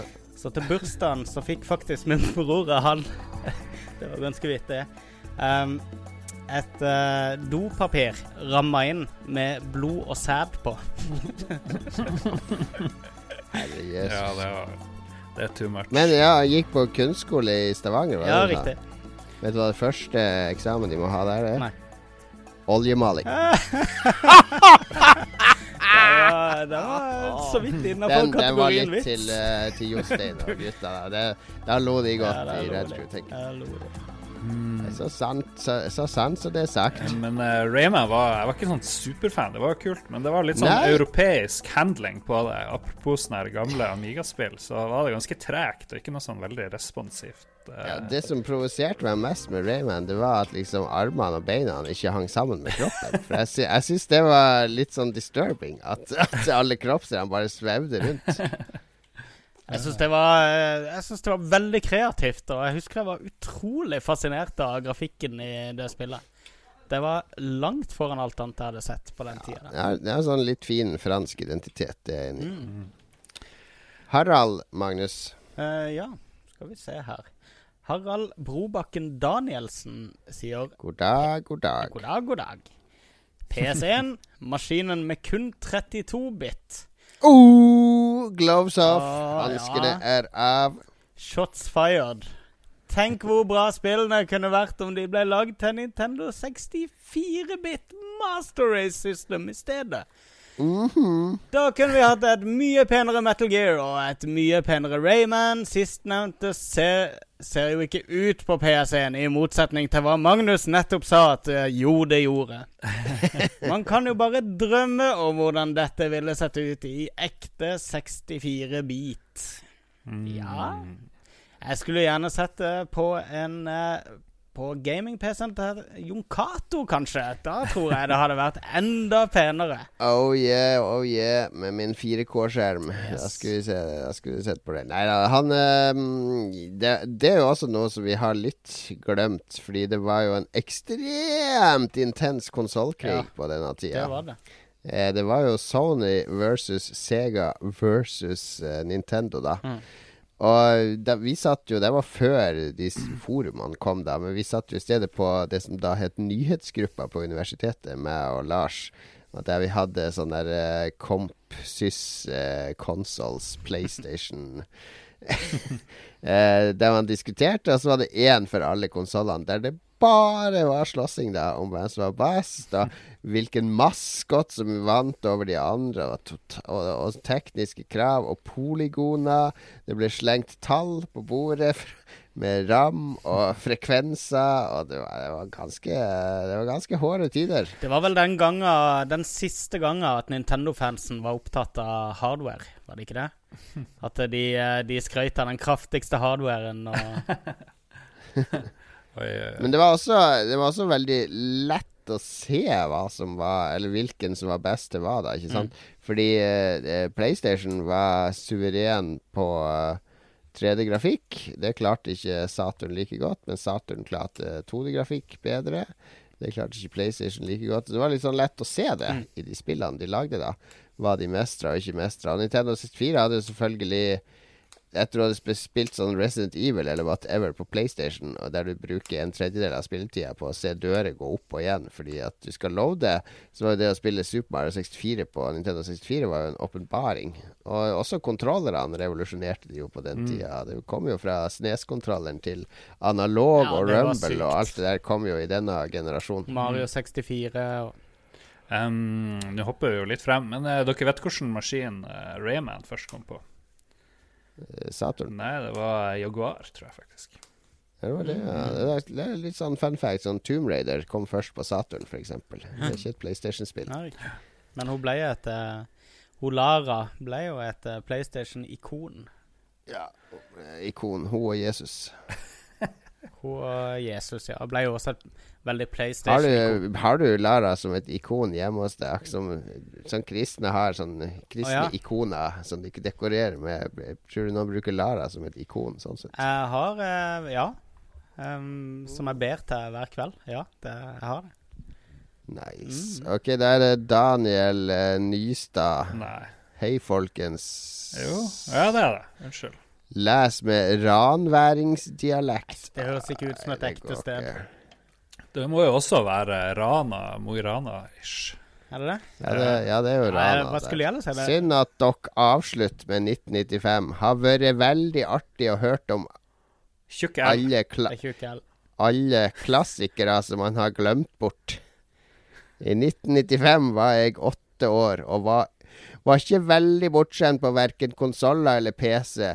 Så det var ganske stort når en nabo fikk seg PlayStation. Battle Arena Toshinden var helt rått. Men det var året etter at min interesse for spill virkelig slo inn. For da kom Broken Sword, som den dag i dag er et av tidenes adventure-spill. Mm -hmm. Sånn, da fikk jeg lurt det inn. Uttrykksikonet Vink Precast. Precast prekast. Prekast. Prekast er ikke noe Rana. Det her, her er fake rana. Prekast det er jo Fredrikstad. Det der, der sier de prekast. Ja, de Palatalisering. Palatalisering. Ja, ja, ja. Ok, det var Torskinden, ja. Det har vi snakka om allerede. Broken Sword. Sett i gang. Putt en mynt på Magnus, så kommer vi oss videre. Nei da, jeg tror jeg snakka om uh, i hvert fall om uh, Charles uh, Cecil og sånne ting før. Så. Hva det heter Revolution Software? Revolution Software. ja. Broken Sword-spillerne ja, er, er vel også gratis på scumvm.com fremdeles. Men de hadde også sci-fi-spillet Beneath a Steel Sky. Ja, det snakka vi om forrige Cecil? sending. Ja, nettopp. Mm. Jeg faser alltid ut når Magnus begynner å snakke om adventure-spill. Ja, men vet du hva, når jeg hører gjennom sendinga og skal klippe den, så hører jeg masse nytt jeg aldri har hørt før. det er fordi du er så full hele tida, Lars. Så, hey. Det her er journalisten. Det er den observante journalisten ja. som skal intervjue folk og følge med på pressekonferanser og presentasjoner. Ja. ja. Så er det Lars sånn bare det. finner på alt mellom introen og outroen i sakene sine. Det er rein sånn Ja, så, så sa han noe greier, og så ja. OK, Lars Raymond. Raymond Eikås Caspersen fra Molde sier vel Hvordan snakker man i Molde? Jeg vet ikke hvor han er fra, egentlig. Vel, dette ja, spillet kom egentlig Det er jo han Er han uh, han er fotballkongen vår. Er han fra Molde? Han, uh, ja, Ole Gunnar Solskjær. Han, prater litt sånn som han. Jeg vet ikke hvordan han prater, jeg er jo ikke fotballinteressert, men han er den eneste jeg vet som er fra Molde. Hvem andre kjendiser er fra Molde? Kjell Inge Røkke. Molde. Hun, Ane Bruen er jo fra Molde. Hun prater sånn halv um, svensk Kan ikke du bare lese fokuset er litt han har, en, han har to setninger. det er jo derfor jeg må dra det ut. Ja, what's my motivation? Uh, vel, dette spillet kom egentlig ut i 94, men jeg spilte det i 95. Pizza Tycoon. Okay, juks. Stopp, stopp, stopp. stopp, stopp. Det, det er for sent. Det? det er for sent ja. å få det med. Nei, det var det vi sa. Det er lov å, lov å, å streke det litt. Ah, vi er for snille. Men han, Uttrykksikonet Grim. Raymond snakker om Pizza Tycoon. Ja, Uttrykksikonet Grin Feta-spill. Mm. Uh, feta var vel en av de få tingene du ikke kunne ha på pizza i Pizzatakun. Men uh, vi snakka om Pizzatakun forrige gang. Ja, ja, i hvert fall noe Takun ja. snakka vi om. Det gjorde vi. Bra spill. Trond sin For Borgersen. Det er din, eh, Magnus. Ja, hvor skal man Eller du kan få ta den neste, for det er jo frisøren din er jo neste, så jeg kan oh, ja. ta den, Trond. Ja, riktig, riktig. Hvor skal man begynne, sier Trond. Wipeout, Total NBA 95, Twist Metal, Loaded, Destruction Derby, Mortal Kombat 3. Det er sikkert flere. Det er 95, 96 og 97 var årene jeg spilte mest. Spilte mye mye Twisted Metal i sin tid. Først leide vi det hver helg, så kjøpte vi det, så gikk det i stykker. Uttrykksikonet frown. Så ble det til å leie det igjen. Skal også nevnes at vi hadde egen serieliga i Worms. Har fortsatt memory cards med save-filer og stat-D-stikk som viser at en navngitt worm har drept over 800 andre worms. Uttrykksikonet tang. Garantert PC1-spillet jeg har brukt mest tid på av alle. Det må legges til at Trond også la ved eh, skjermbildet fra sin score i uh, Worms. Nice, og han etterlyste sånn proffliga for Worms. Så det støtter jeg han litt i. Det er morsomt. Jeg tror vi har vi, Kanskje vi kan finansiere Få litt penger til Lolbua ved at folk kan betale for at jeg leser leserinnleggene deres, siden jeg legger så mye mer effort i det enn dere. Ja, det synes jeg. Ja. Hvis du gir oss donerer ti kroner, så leser jeg opp leserinnlegget. Så får du bare kjedelig Lars og Magnus. Men man er, det er litt sånn risky business der, for du er så manisk depressiv at noen ganger så nekter du å liksom eh, prate på sånn morsom måte. Er ikke alle kreative genier manisk depressive? Det har jeg hørt. ja, ja, ja. Ja, men, okay, men han, han ramser opp ekstremt mye da som vi må gå gjennom. Da. Husk, Total NBA, det husker jeg godt. Husker, det var jo utrolig bra grafikk mm. i det basketspillet. Mm. Og det var også et av de spillene der vi fant en bug, husker jeg, når vi spilte med, med Espen oppe på Kringsjå i studenttida. Oh. Fordi det var en av spillerne, alle spillerne som statta eh, fra 0 til eh, 100. Det var, det var, egentlig ingen som skulle ha 100 da. De fleste stoppa på 80.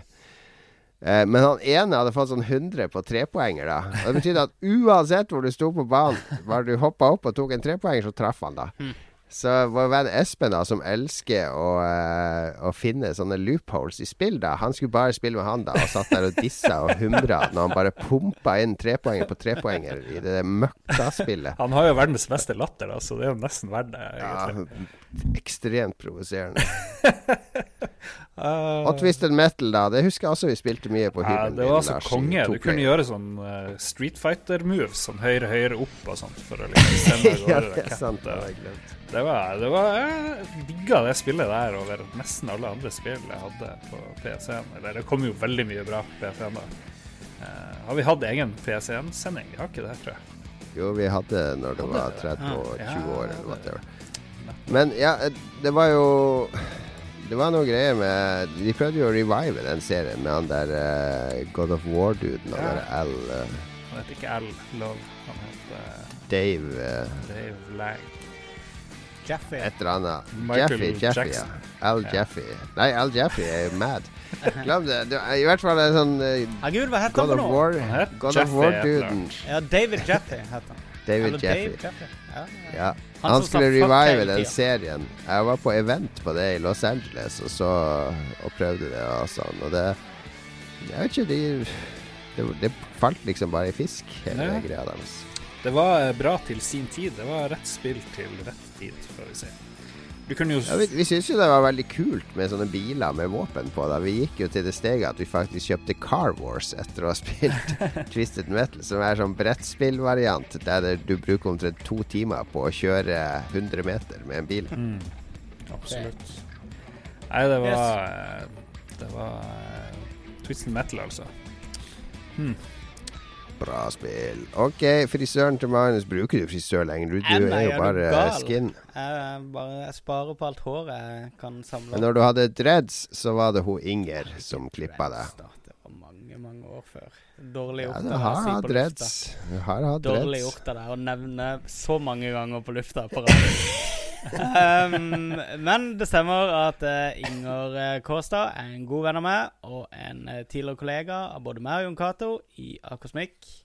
Word.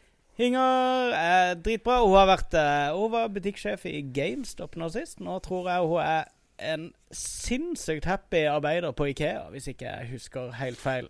Um, yeah. Hun er også en ganske hardcore spiller uh, på fritida si. Og hun husker Rayman. Herregud, for et flott spill, sier hun. Og det er vi jo mm-hmm. helt enig i. Ja, det er mulig jeg skremte henne bort, for jeg skrev 'Å, hurra, en kvinne som kommenterer på Lolbua'. Ja, så en sånn og så en sånn klossete Og unnskyld for at jeg driver og, og brander deg bare som en kvinne. Det var ikke meninga. Jeg, jeg skrev ikke at det ikke var meninga. Det var jo med smil i glimt i øyet. Kan tenke meg åssen jeg har kommet på fest hos deg, Lars. oh, ja, men du er jo jente. Nei, nei, eller sånn. Ikke gå. Eller, det, eller jeg er vant til the, the, females, men i Lolbua så er det jo bare menn som uh, skriver inn. Det er jo litt uh, savn, må jeg jo innrømme. Ja, det kan vi jo kanskje gi en liten oppfordring til våre lesere om å overtale sine kvinnelige gamervenner til også å delta litt i innsendinger. Nettopp. Og kun dere som leser avskrift av hele podkasten nå, ta og skriv inn hvis dere er kvinner. Yes. All right. Erlend Haugen Markussen Lars. Hæ? Slutter dere nå? Kjør på med 96 og beyond, da også. Herregud. Idioter. Spesielt Jon Cato, som nekter å gå videre. Det her syns jeg er helt forferdelig. Hilsen Erlend Haugen Markussen. Det, det, har vært gøy å følge åssen eh, Lars, som eh, styrer mye av Facebook-actionen vår, eh, har, har takla denne kritikken mot at vi kutta denne spalten. Hva du mener du? Det har vært sånn Skyld på Jon Cato! det er, ja, det er, sånn typisk eh, forretningskultur. Uh, felles front og uh. Skjønner hvorfor du ikke er sparka ennå fra avisen, Lars, hvis det er den der integriteten du viser deg. det er ikke min avslutning. Dere to vil slutte nå. Jeg er mann av folket. Jeg syns vi skal kjøre med 96 til neste uke. Ja, men, men Snesrett. Dessverre. Vi har litt mer tro på oss sjøl, da, og på at vi er i stand til å fortsette å trykke ut eh, kvalitet hvis vi bare får muligheten til det. Da gleder jeg meg til dere ordner alt eh, klart til neste ukes sending. Det blir flott. det gjør du nok. Det skal vi fikse. Ja, neste uke blir litt busy. Det er eh, Det skjer Ja, det må vi snakke om senere. Det er som ta det nå. julebord. Det skal vi absolutt ikke snakke om. Jeg må alle, for guds skyld ikke ta det nå. Bare tre sider med lytterinnlegg. ok, men Ivan Farbror Skjold sier Farbror Skjold var mye Tekken og Coolborders. Også en del multiplayer med kompiser i Vigilante 8. Du må si Hvis han er svensk, må du si Vigilante. Fordi Vigilante. Uh, Vigilante 8 tror jeg aldri jeg spilte. Coolborders spilte jeg Vigilante Vigilante 8 og Cool Borders var jo strengt tatt ikke 95, da, Nei. men det er jo play, PlayStation trigger jo alle PlayStation-minner flyter jo over i hverandre, tenker jeg. Ja. Men Vigilante 8 var jo sånn Twisted Metal Ikke rip-off, men biler med våpen. Multiplayer. Ja. Cool Borders, hva, sa dere hva det var? Det var, det var litt sånn Det var for snowboarding mm. det Tony Hawk var for skateboarding. Med veldig sånn her eh, ekstremt overdrevne muligheter til bevegelse. Du kunne liksom ta sånn 70 uh, Nei, Var ikke det SSX? Nei, nei. SSX var, det var mer sånn fantastisk, men dette her var mm. det, det var så, Jeg husker det her så, så grått og trist. Ja, det var kanskje det. Var litt, uh, men du kunne unlocke en sånn alien som, uh, som, kjørte på en sånn flyvende tallerkenbrett. Jeg vedder på at det var en grå alien. Det var en grå alien. Helt riktig. Um, grå, grå, gråboarding. men jeg, jeg, likte veldig godt Cool Waters 2, i hvert fall. Ja, det er mange som har gode minner fra det faktisk. Ja, Fridtjof Nikolai Har ikke han vært før? Jo da. Jo da. da sa han bare at han Han sa bare at det var det definitivt beste vi noensinne hadde gjort, det vi nå kutter. Okay, han okay. oss to innlegg.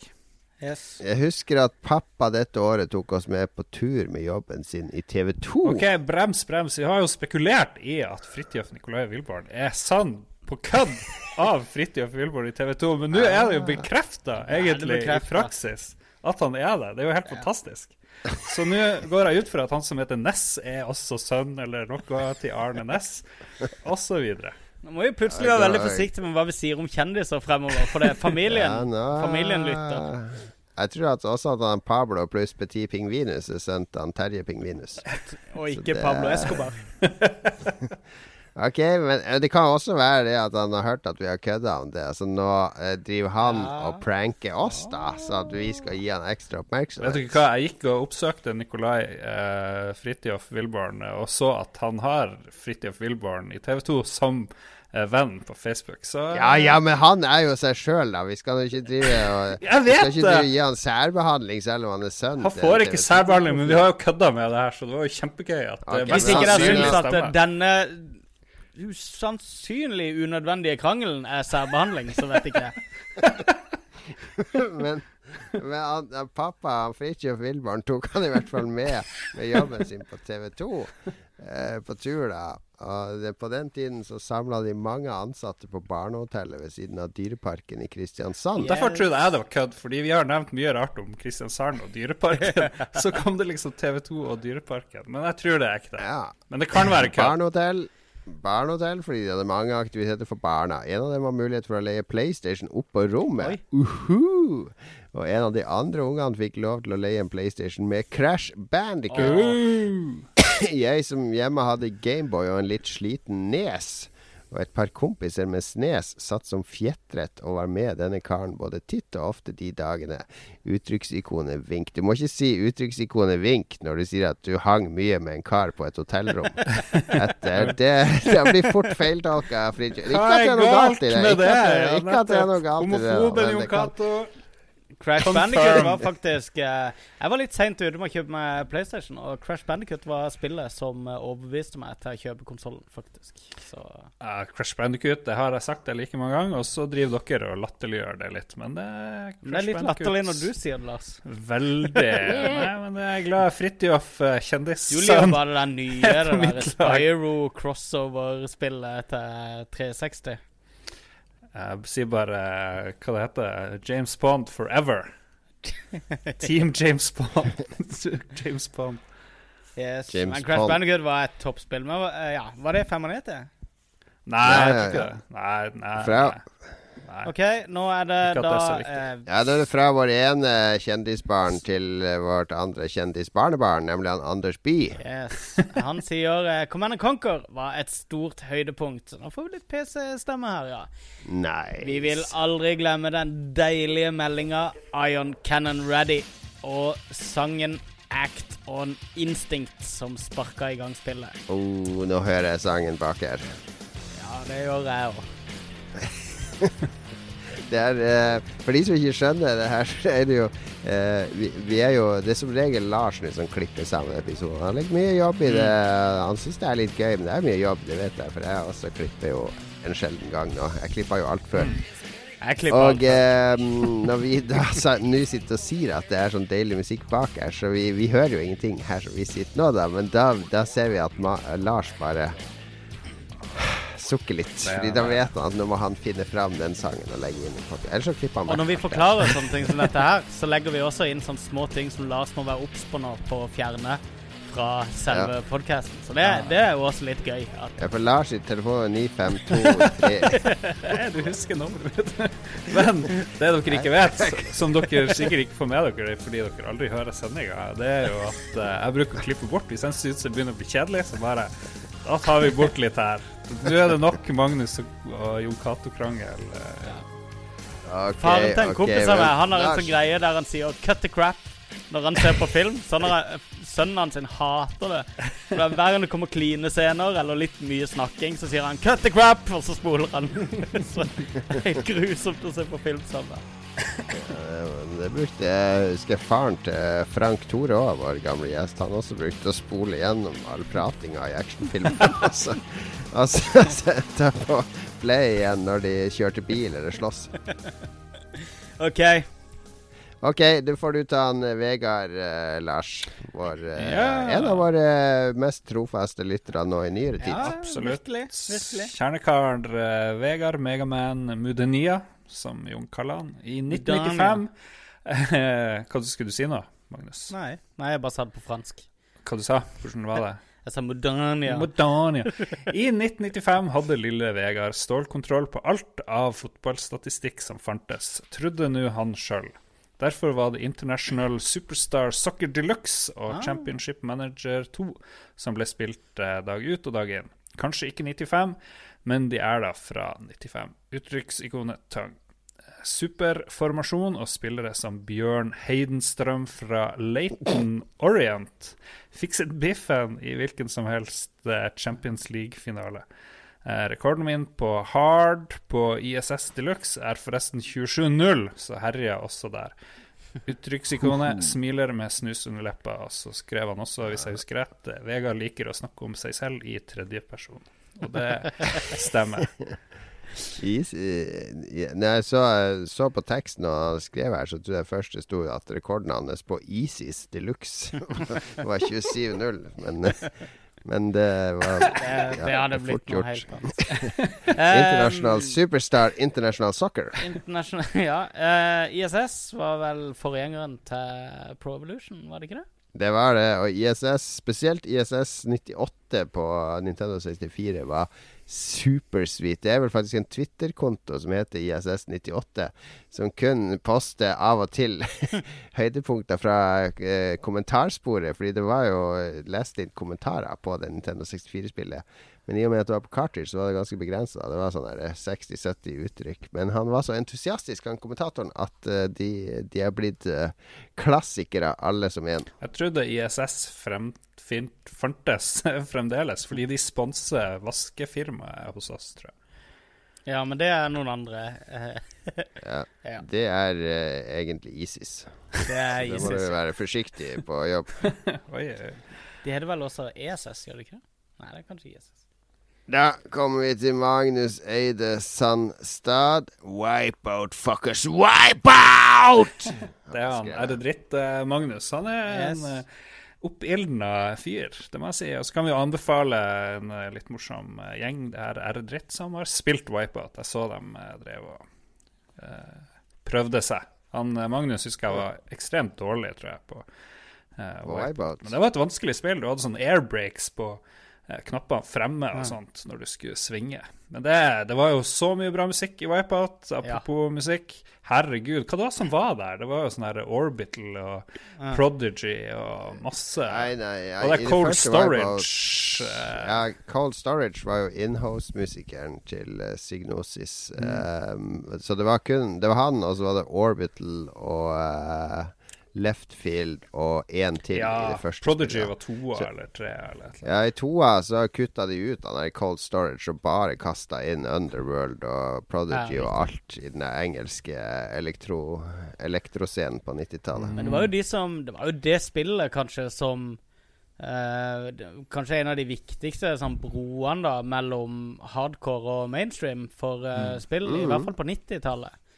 Ja, fordi de brukte jo et designbyrå til å lage fonter og det visuelle ja. uttrykk, og de, de hadde sånn helhetlig futuristisk design. Du så at det var ikke designa av eh, assembler-nerder som eh, sånn tegna fantasiene sine på nytt, men faktisk folk som hadde utdanna mm. seg innen visuelt design. Og det var veldig i tråd med Hvis du ser på andre platecover fra typisk sånn house-greier, og i hvert fall uh, teknoartister, så var det veldig der, da. Veldig sånn futuristisk eh, datagrafikk.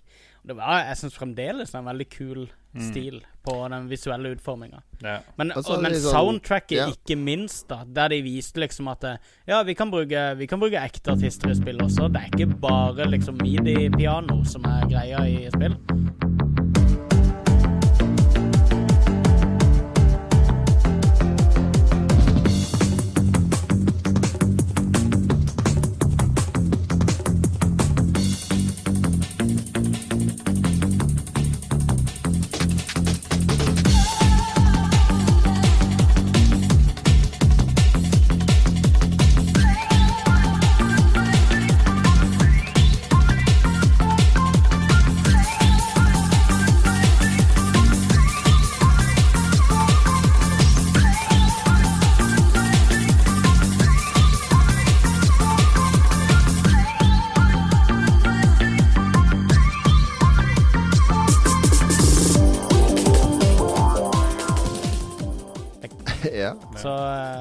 Apropos midi-piano.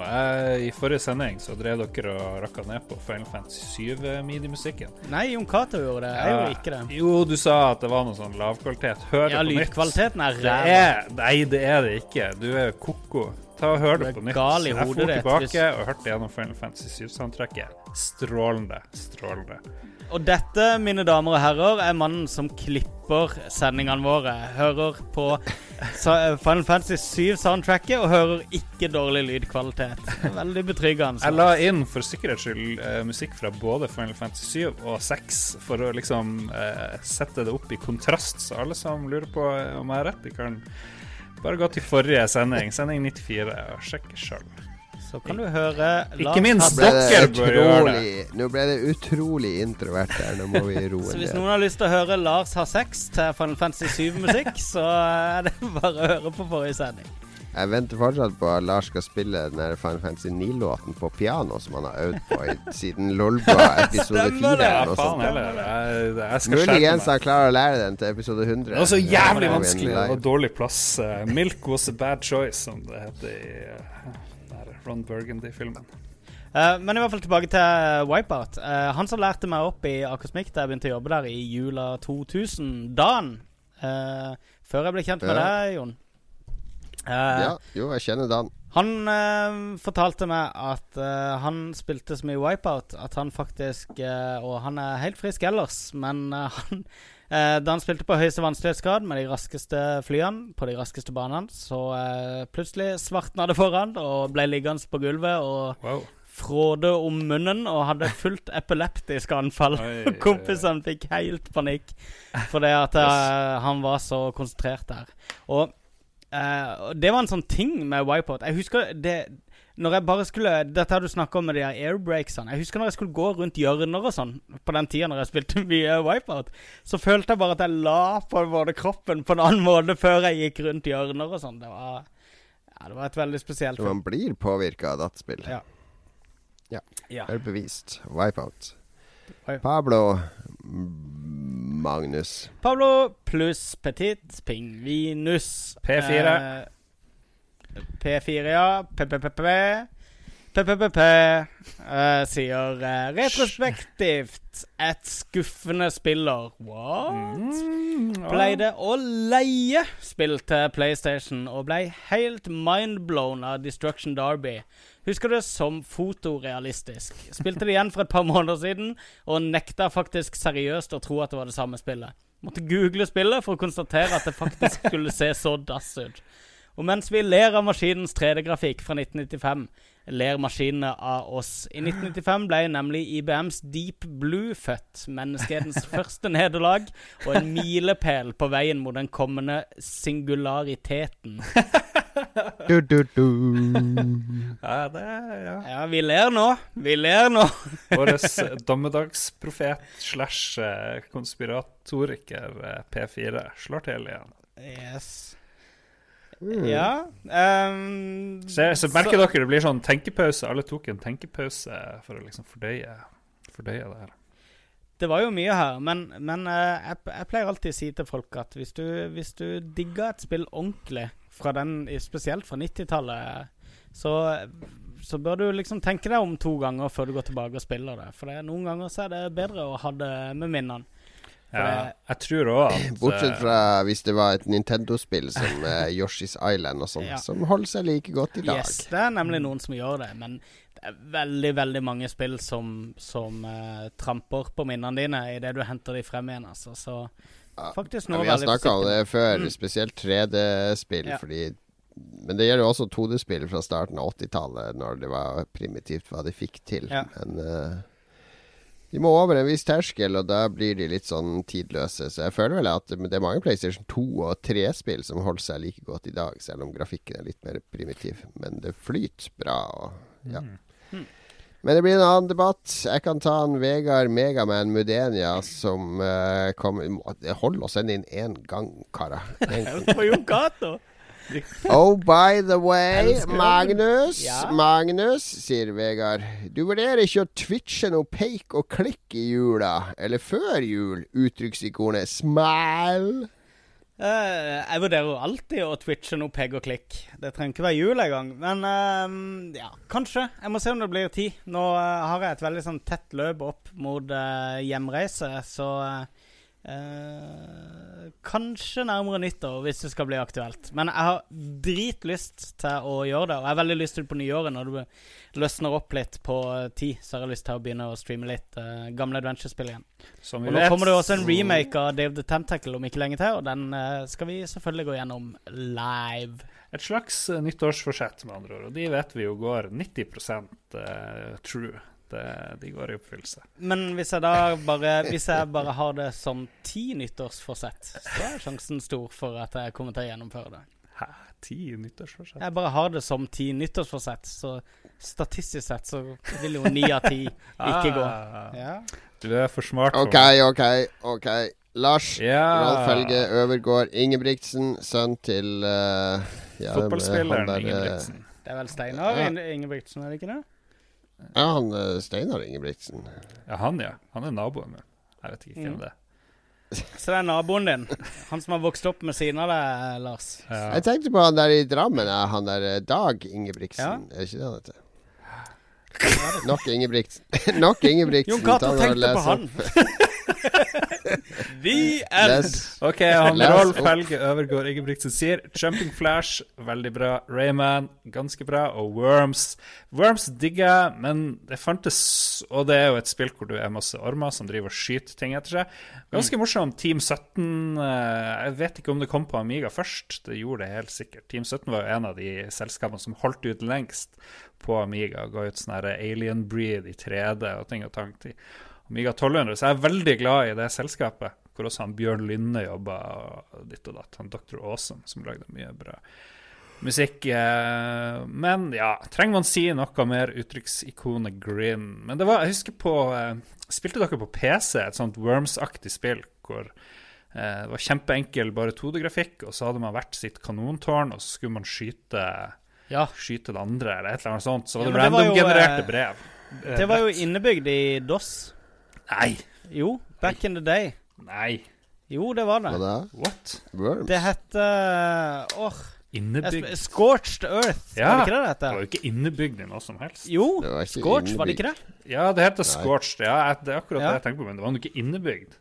Jeg var ganske Nei. sikker på at Da var det et som ligna på det, i hvert fall. Som lå innebygd, som lå bortgjemt i DOS. Eller Holy Windows. Jeg tror det var i DOS. Nei. Er det det her høres Fuck you all. Det får vi undersøke ja. til neste episode. Det høres tvilsomt ut. Ja, Men jeg husker veldig godt Scorched Earth. Jeg har spilt det ekstremt mye. Ok, nå fant jeg det. Uh, Scorched Earth is a popular shareware artillery video game. Uh, bla, bla, bla. Written by Windell Hicken using Win, Borland Win, Windell Windows. Uh, Case closed. Case Using closed. Turbo Assembler. Står ingenting om at det fulgte med noe som helst. Nei, men da var det ikke det. Men uh, det var i hvert fall et spill som lå bortgjemt i DOS, som, er, som var liksom samme type spill. da Minesveiper, tenker du på. Nei, det var i Windows, min venn. There is also a similar game from the same era called Tank Wars, and another mm. on the Commodore Amiga called Scorched Tanks. Ja, nettopp. Ja. Men Scorched Earth i hvert fall var dritbra. Men det var én mot én, ikke sant? Jeg tror det, ja. Sånn hot seat én mot én. Jeg tror og det. Uh, Worms tok det jo litt lenger. At man hadde et lag, du hadde flere Worms, så var det turn-base. Så liksom flytta du en, du kunne bevege dem rundt. Og så hadde du sånn skip attack og homing missiles og ninja rope. Og det var ganske morsomt. Men det har, så har det jo kommet nye versjoner etter hvert. Men det har liksom ikke helt holdt seg sånn. Det er litt trist. Jeg spilte, spilte, veldig mye Worms på Dreamcast, husker ja, ja. jeg. Etter jeg fikk den første unge. Så kom Jeg hadde venner på besøk, spilte vi fireplayer, da. Hver vår kontroller og fire lag. Med fire ormer på hvert lag. Det var veldig gøy. Um, du om det. men jeg, jeg syns nesten det er litt trist, for det er Team 17. Er det ikke det som fremdeles lager uh... ja, De er mer utgiver enn at de lager så mye, tror jeg. Ja. Jeg, jeg, spilte det aller nyeste fordi det var gratis på Xbox Live en måned. Uh, og eh, de er liksom på stedet hvil. De driver ja. liksom og, og, pusser på den der ene greia si fremdeles da og polerer det. Men ja. skulle gjerne sett de lage noe, noe, gøy nå. Ja, nytt. så kom det vel nytt, eller de ga ut Alien Breed på nytt, og det ble heller ikke ja. så bra. Nei, litt, litt trist. Husker du et av de lagene i uh, de opprinnelige, i hvert fall, så kunne du Team 17 var et lag i Worms der de hadde navnene på de som jobba i firmaet, på mm. hver av de ormene. Mm. Ok, cool. Men siden du tok feil om Scorched Earth, så tror jeg ikke på noe du sier. Så det er Nei. sikkert feil. eh, yes. Men jeg, 90% av det jeg sier, er bare oppspill. Så det skulle bare mangle. Statistisk sett så skulle du ha funnet ut for lenge siden at det Det er derfor du sier alt ti ganger, så er alt rett, faktisk. Ja, ja, ja, ja, ja, ja, ja. OK. Skal vi gå videre til Skal vi se Er det Pål sin tur? Det er en sånn typisk ting jeg blir å klippe bort da vi har den pausen. Du bare skal gjøre Vel, ja, OK. Pleier du å klippe vekk det? Faktisk. Faktisk. Jeg er ganske nevrotisk av det. Jeg er men, litt sjokkert over at dere aldri hører på eh, det jeg klipper sammen. Der. Nei, men det er så nevrotisk jeg er på Splashene. Så det er herlig å høre at jeg ikke er den eneste. Nå er det bare Jon Cato igjen. men vi veier opp for akkurat ja, Han klipte et helt år med Lolbua, så han får lov å ha en liten. Pål, i hvert fall, som har amputert sitt etternavn, og nå heter bare Pål, akkurat som brasilianske fotballspillere, sier Woot! Slutter med mimrespalta. Det er jo helt krise, uttrykksikonet Tong. Mest fordi det nærmest Nei, fordi det nærmer dere mitt favorittår, nemlig 98. Da spill gikk fra bare å være tidsfordriv til å faktisk være en reindyrka hobby, kunst og uttrykksform. Jeg vet at Jon Cato syns spillet har forfalt fra 93 eller noe rundt der og utover. Men er dere andre også enig i dette? Ved et kjapt Google-søk fant jeg dette. Det var altså eh, en oversikt over de beste syv årene i spillhistorien Jon Cato, som inkluderer 90-tallet. Har ikke lest grundig gjennom, så jeg skal ikke si noe om kvaliteten på kilden, men med første øyekast er 96, 97 og 98 på topp 7-lista. Trodde først dere trolla på selve podkasten, men nå så jeg, at, eh, så jeg Facebook-statusen deres i tillegg. Ellers, keep up the good show. Blir bare bedre og bedre, dette. Lars har jo tatt klippen til et helt nytt nivå, virker det som, uttrykksikonet Grin. Fortsett gjerne med random intro. Like funny hver gang når jeg ikke har peiling på hva som skjer fra episode til episode. Koseklems fra Somji. Eller Paul. Eh, takk for eh, nok et eh, konstruktivt eh, innlegg fra Paul. Det setter vi pris på. Ehm, ja. Hva sier du til, til denne solide dokumentasjonen Jon Cato, om at 96, 97 og 98 um, er blant uh, de beste årene i spillhistorien. Mm. Uh, ja, det var For meg var de årene sånn år der jeg satte meg inn i alt som jeg gikk glipp av på 80-tallet.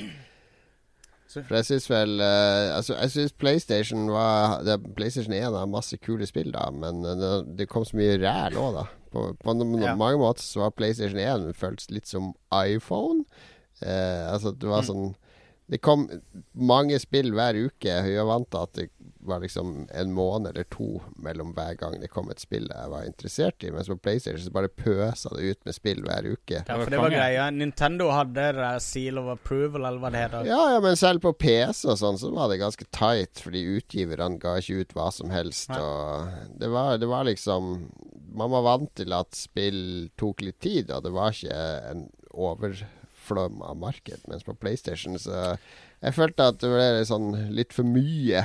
Mm. Litt for lite kvalitet på mye. Du klager jo, selv om du fikk spillene nesten Unnskyld, gratis. Jeg husker vi hadde jo sånn connection ja, fikk... hvor vi fikk sånne brente PC1-spill. Jo, jo, men det ødelegger jo også mye av moroa. Ja, det, det, har aldri vært gøy å spille piratkopier, fordi da bare OK, det var greit nok, la oss teste neste. La oss teste neste. Du har, du har, ikke investert i det du spilte. Men jeg, jeg, jeg kjøpte jo ei sånn der Super Nintendo med der kopiboksen på hos han, uh, Espen på den tida. Så mye morsommere å spille piratkopierte spill på SNES, faktisk, enn PC. Ja. Det var det faktisk, fordi da oppdaga jeg spill som Pocky og Rocky og fantranslata JRPGs og alt mulig sånn som du kunne laste ned roms til å spille mm. på original maskinvare. Så jeg brukte mye mer tid i de tre årene på å spille Super Nintendo-spill enn på å spille PlayStation-spill. Men jeg, det er selvfølgelig masse bra også. Jeg spilte veldig mye Sega Saturn, Panzer Dragoon Saga og andre titler som satte dype spor. Men, eh, men eh, ja, for meg så, så var de eldre spillene viktigere enn de som kom da. For meg så, så var det liksom Jeg følte spill begynte mer og mer å snakke til meg, da. Eh, eller til, til, til, liksom Hva skal vi si dagens ungdom, på en måte. I stedet for disse fantastiske, farverike, veldig sånn barnefamilievennlige greiene du fikk fra Japan, så var liksom Så begynte PlayStation-spillene var mer sånn de, de, eh, begynte liksom å gi oss spill som var mer i kategorien av de filmene vi hadde lyst til å se, og musikken vi hørte på. Så det, de var litt mer sånn her eh, i takt med, med, hvor vi var ellers. Jeg tror det var veldig mye av pilen til Sony, at de plukka opp på det. Mens uh, Nintendo venta litt med det og satsa litt mer på, på, farver og leketøy, da. Som jeg mener at de gjør helt fabelaktig, selvfølgelig. Mm. Ja, nei, jeg satte veldig pris på PlayStation 1. Det var etter å ha blitt så deprimert etter uh, Amigaen gikk dass og folk begynte med PC og sånt. Og mm. Jeg også uh, Plutselig var PlayStation min Amiga på et vis. De var litt sånn underdogs i tillegg på den tida. Det appellerte jo til meg òg, husker jeg.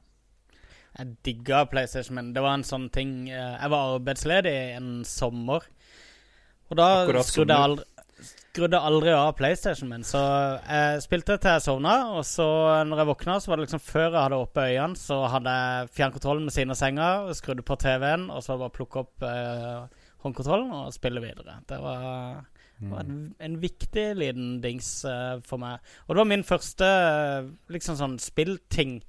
Uh, eller det var vel min første konsoll, egentlig. Med tanke på det forrige jeg hadde, var jo en Commodore 64, som ikke teller.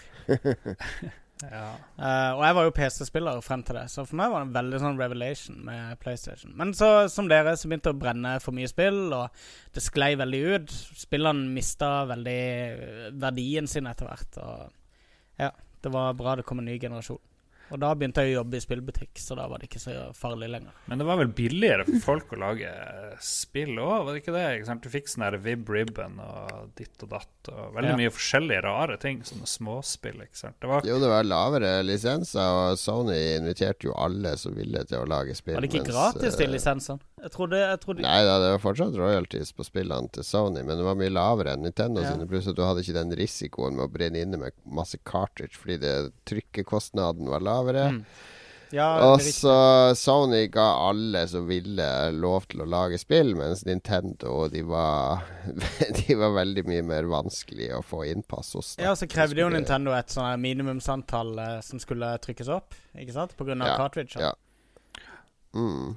Uh, ja. Fatt mot, kjære lytter. Vi er snart ferdig med lytterspalten. Yes, for nå kommer Christian Chessem tilbake fra UK uten drugs. Thank you very much. Uh, say no more. 1995, året jeg begynte å jobbe i databransjen. Noe som gjorde at jeg omsider kunne få oppgradert min 486 DX2 til en Pentium. Oh, det åpna døra for mer krevende spill, og jeg husker mange av de dere nevner på listen. Men det er kanskje Worms som jeg husker mest med mest glede. Enkelt og underholdende gameplay, for ikke å snakke om at musikken var laget av norske mm. Dr. Awesome, mm. Bjørn Lynne. Yeah. Denne spillserien har jeg hatt gledelig gjensyn med i de senere år, med Worms Revolution på Xbox 360 og Worms Battlegrounds på Xbox One. Battle. Vi, uh, vi kødda jo, eller var det som kødda med at han Christian Tjessem i forrige uke, siden han het Tjessem uh, og andre grunner, yeah. lasta opp med illegale drøg, Så skulle ta det hjem til Norge. Men du ble ikke stoppa på grensen da, Christian, så kudos. Uh. Bra. Vi skal ikke spørre hvor du gjemte det. 420. Let's do it. Men jeg vil si at han snakker om 486 DX2, for det, til min konfirmasjon så sto jeg mellom å, uh, å kjøpe for konfirmasjonspengene mine enten en 486 SX25 eller en DX2. Og da gikk jeg for SX25, for da hadde jeg råd til skjerm samtidig. Så uh, ja. Ser at han uh, var akkurat litt kulere enn meg på PC-fronten på den tida der. Sånne ting hadde mye å si.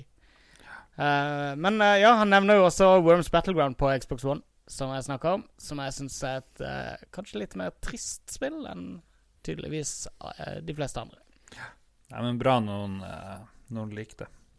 Ja. Team Sutton forever. Uh, peiling hvem sin tur det er. Geir Botnan Aid sier jeg sitter og venter på året 99. Dere kan snakke om det monsteret som er microtransactions og session season pass, mener han nok, siden Rainbow Siege. Siege. Rainbow Six. Rainbow Siege skal ha, ja, Rainbow Six Siege. skal ha microtransactions. Jeg tror vi sparer akkurat det til neste, neste ja, det er, en, det er, typisk et sånn hovedtema. Det, det, ja. ja. Men takk for innspill. Takk for innspill. Vi skal takk skrive det bak. Takk skal du ha, Geir. Kristoffer Get a Boys Hansen Leistad. Destruction Derby, Command Conquer, Ace Combat, mm. Raymond og Tekken 2. Uten tvil et variert og godt spillår, men jeg lever ennå den dag i dag på at jeg vant Tekken 2-turneringen som gikk i den lille bygda mi. 200, nice. 200 innbyggere. Ah, ja. Uten å ha rørt et slåssespill før. Sier vel mer om mine motstandere enn meg, men jeg ser på det som at jeg er best i verden når det kommer til Tekken 2. Prisen vår seier var forresten et eget Tekken 2-spill som ble spilt nærmest i stykker. Alt fra meg for i dag. Kos og mos. Hilsen Get a Boys Epleslang Leistad. Ja, Tekken 2 kom til PlayStation 96, sier han. Ja, Angerboy på chatten. Men det kom på Arkade i 95, så derfor tok vi det med i oversikten. Innafor Innenfor, Absolutt innafor. Tekken, Tekken 2. 2 var det første Tekken-spillet jeg spilte dritmye, og det spilte jeg dritmye. Ja. Uh, jeg husker jo på denne tida så hadde vi Vi var jo en gjeng i Oslo. Det var jeg og Lars og tvillingene Espen og Vidar som var med i Hyttepodkasten.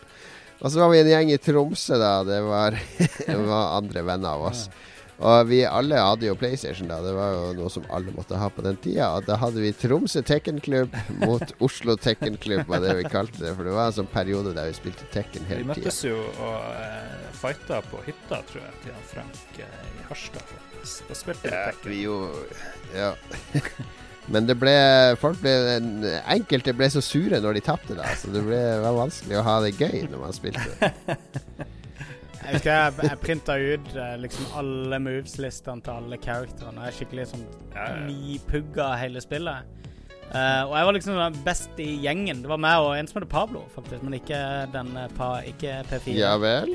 Uh, du kjenner så mange med sånne, sånne barnenavn. Ja, det er Pablo og Kirby. Du kjenner ja. til og med aldri, Det eneste jeg kjenner som kjenner noen som heter Kirby. Ja, det, det er liksom uh, Facebook-vennelista mi er en stor uh, Benetton-reklame. Har, har, du vært sammen med Pablo og Kirby samtidig? Uh, ja, de kjenner hverandre kjempegodt, så Ja, ja, ja, ja. Uh, de spilte basket sammen, skjønner du. Men, okay, ja. men, i hvert fall, vi var liksom best i gjengen i Tekken. Og spesielt i Tekken 3, da tok det helt av. Da fikk jeg tak i det amerikanske etter hvert og kunne spille det i 60 hertz. Og, og jeg var han som eh, Alltid hvis vi var på fest, eller typ sånn på nachspiel, så ble noen sittende og spilte Tekken alltid på de festene vi var på på den tida der.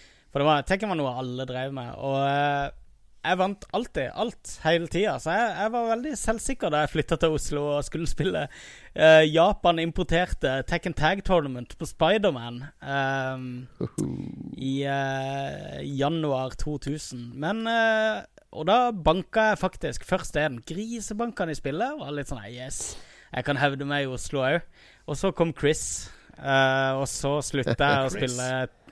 Så så jeg liksom åssen de ordentlige Tekken-spillerne, åssen de spilte. Chris er jo seriøs uh, asiater uh, som tar slåssspill som religion. Ja, Chris ble etter hvert uh, nordisk mester i Tekken Tag Tournament. Og han knakk hånda si. Vi skal få han på lufta en gang og snakke litt om det. Han knakk hånda si underveis, jeg tror det var i semifinalen. Oh. For han ble så frustrert at han slo i arkadestikka si så hardt at han knakk hånda. Og det var han og Jin-sama uh, som, uh, som, er sånn on-off norgesmester fremdeles, og skandinavisk mester. Nå er det breaking news uh, som tikker inn her på min Apple Watch. Uh, Mark Zuckerberg, uh, Facebook-eieren, han gir 99% av aksjene sine i Facebook til veldedighet. Uh, yes. Det er velvillighet verdt 45 milliarder dollar. Holy smokes. Hvor mye var det? Sånn hvor mye var det 99 var det du sa? Ja. ja. Det er ingen i Norge som gjør det der. Det er ikke sånn her eh, Ja, nå gir Olav Thon alt til uh, Kulturforeninga. Olav Thon gir uh, alt til å bevare spilljournalistikken. Olav Thon gir alt. Det kommer til å være 2000 uh, fulltids spilljournalister om et år. Nice. Ola gir, gir ingenting Ton, som ikke er bare for å bevare sitt eget navn. Ja, det er bare ett premiss med det. Vi kan ikke sammenligne sånne slemminger i spill. Sånne slemme, griske folk som kjøper eiendom og sånn. Vi kan aldri sammenligne dem med Olav Thon. Kunne vi svelgt det presseetiske kompromisset? Uh, ja, ja. Jeg har ikke noe uh, Jeg har ikke et uh, integritetsbein i kroppen min, så jeg har allerede sagt blir, ja på det. jeg hører de blir kirurgisk fjerna på BI. Ja, ja, de gjør det. Integritetsbeina. Yes, det er helt riktig. Vi går gjennom en sånn Clockwork Orange-seanse på første dagen med noen sånne åpne øyer og All right, vi har én igjen, vi har én igjen, så kan vi legge på røret for i kveld. Yes. yes. Og det er en levning fra ES. forrige uke som vi ikke fikk med oss, faktisk. Ok, da må vi nesten gi han litt tid denne uka. Magnus ES, Theme Park på PC-en hjemme. Kjøpte det i en bokhandel i Drammen, husker jeg, etter å ha besøkt butikken. I flere dager klarte jeg endelig å bestemme meg for hvor jeg skulle legge mine tungt oppsparte penger. Bullfrog presterte som forventet knallspill. Mm. Virtua Fighter på Arkade gjorde call på resten av pengene, mener jeg å huske. Doom 2 kom som shareware i PC-format, og en kompis hadde naive nok foreldre til at han fikk bladet. Det som var dritt, var at det var disk 2 av 2 som fulgte med, så vi manglet den første. Spillet ble til slutt innkjøpt, og i de neste år brukte vi nok mer tid på VADS og produksjon av disse enn på skolearbeid, hm. skal innrømme. Top Notch-sommer, ja vel. Når vi satt i hans families campingvogn. Ja, uh. Har de besøkt Notch sin familie? Uh, nice. Uh. Satire, satire. Venstrevridd satire fra Jon Cato her. Det står jo Top Notch-sommer når vi satt i hans families Top Notch-sommer, ja. Ok, ja, okay. Topp sommer når vi satt i Han satt i kompisen sin families campingvogn mm. med hver vår datamaskin og laga brett til Doom 2 før vi gikk full on med Ser Setup X og nullmodem for å se hvem som var sjefen. Mm. Det høres ut som en veldig bra sånn sommerferie min å sitte i campingvogn ja, og lage Doom-brett. Det høres konge ut. Det var jo drømmen å dra ut TV-en eh, på plenen og sånn sofa og sitte og spille.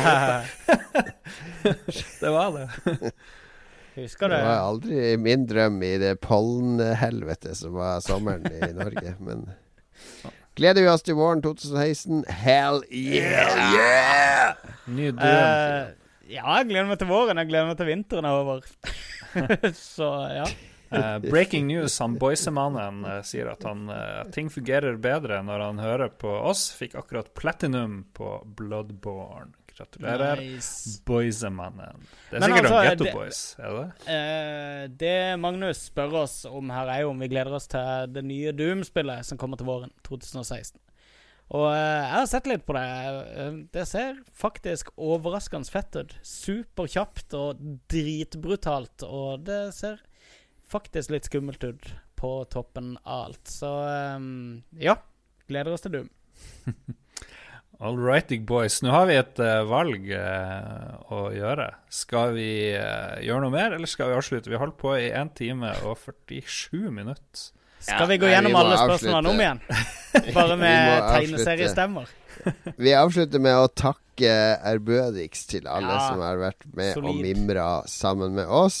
Vi kommer ikke til å mimre i neste episode, selv om uh, flere av dere er litt skuffa over det. For vi må, uh, vi må bevege oss videre. Jeg foreslår vi at vi tar uh, årets beste spill neste uke. Høres det ut som en ja, fin Vi skal oppsummere årets beste spill neste uke. Vi begynner på Så det. Så gjør dere klare hjemme. Vi kommer til å be dere om å argumentere godt og heftig over deres beste spill og beste spillopplevelser.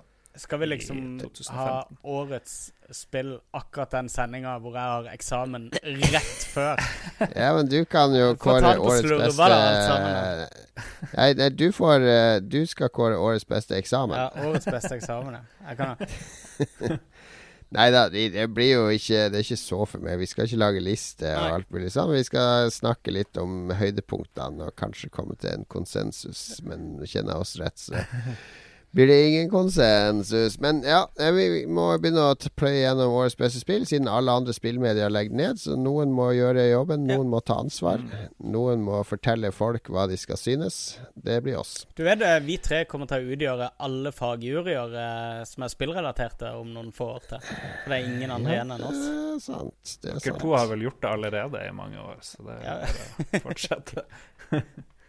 har, det er bare ett år jeg ikke har vært i Gullstikka-juryen. Ja, Yes. Men ja, takk til alle som har vært med ja. og mimra. Kanskje Det blir garantert mer mimring i fremtiden selv om det ikke blir sånne fokusepisoder på år etter år etter år. Men, uh, men uh, det er alltid plass til retrospill i Lolbua. Og vi er alle gamle nok til at det beste er bak oss, så det er ingen tvil om at uh, vi kommer til å fortsette å mimre om andre ting også i fremtida. Men kanskje ikke med så stram regi, om vi kan si det med anførselstegn.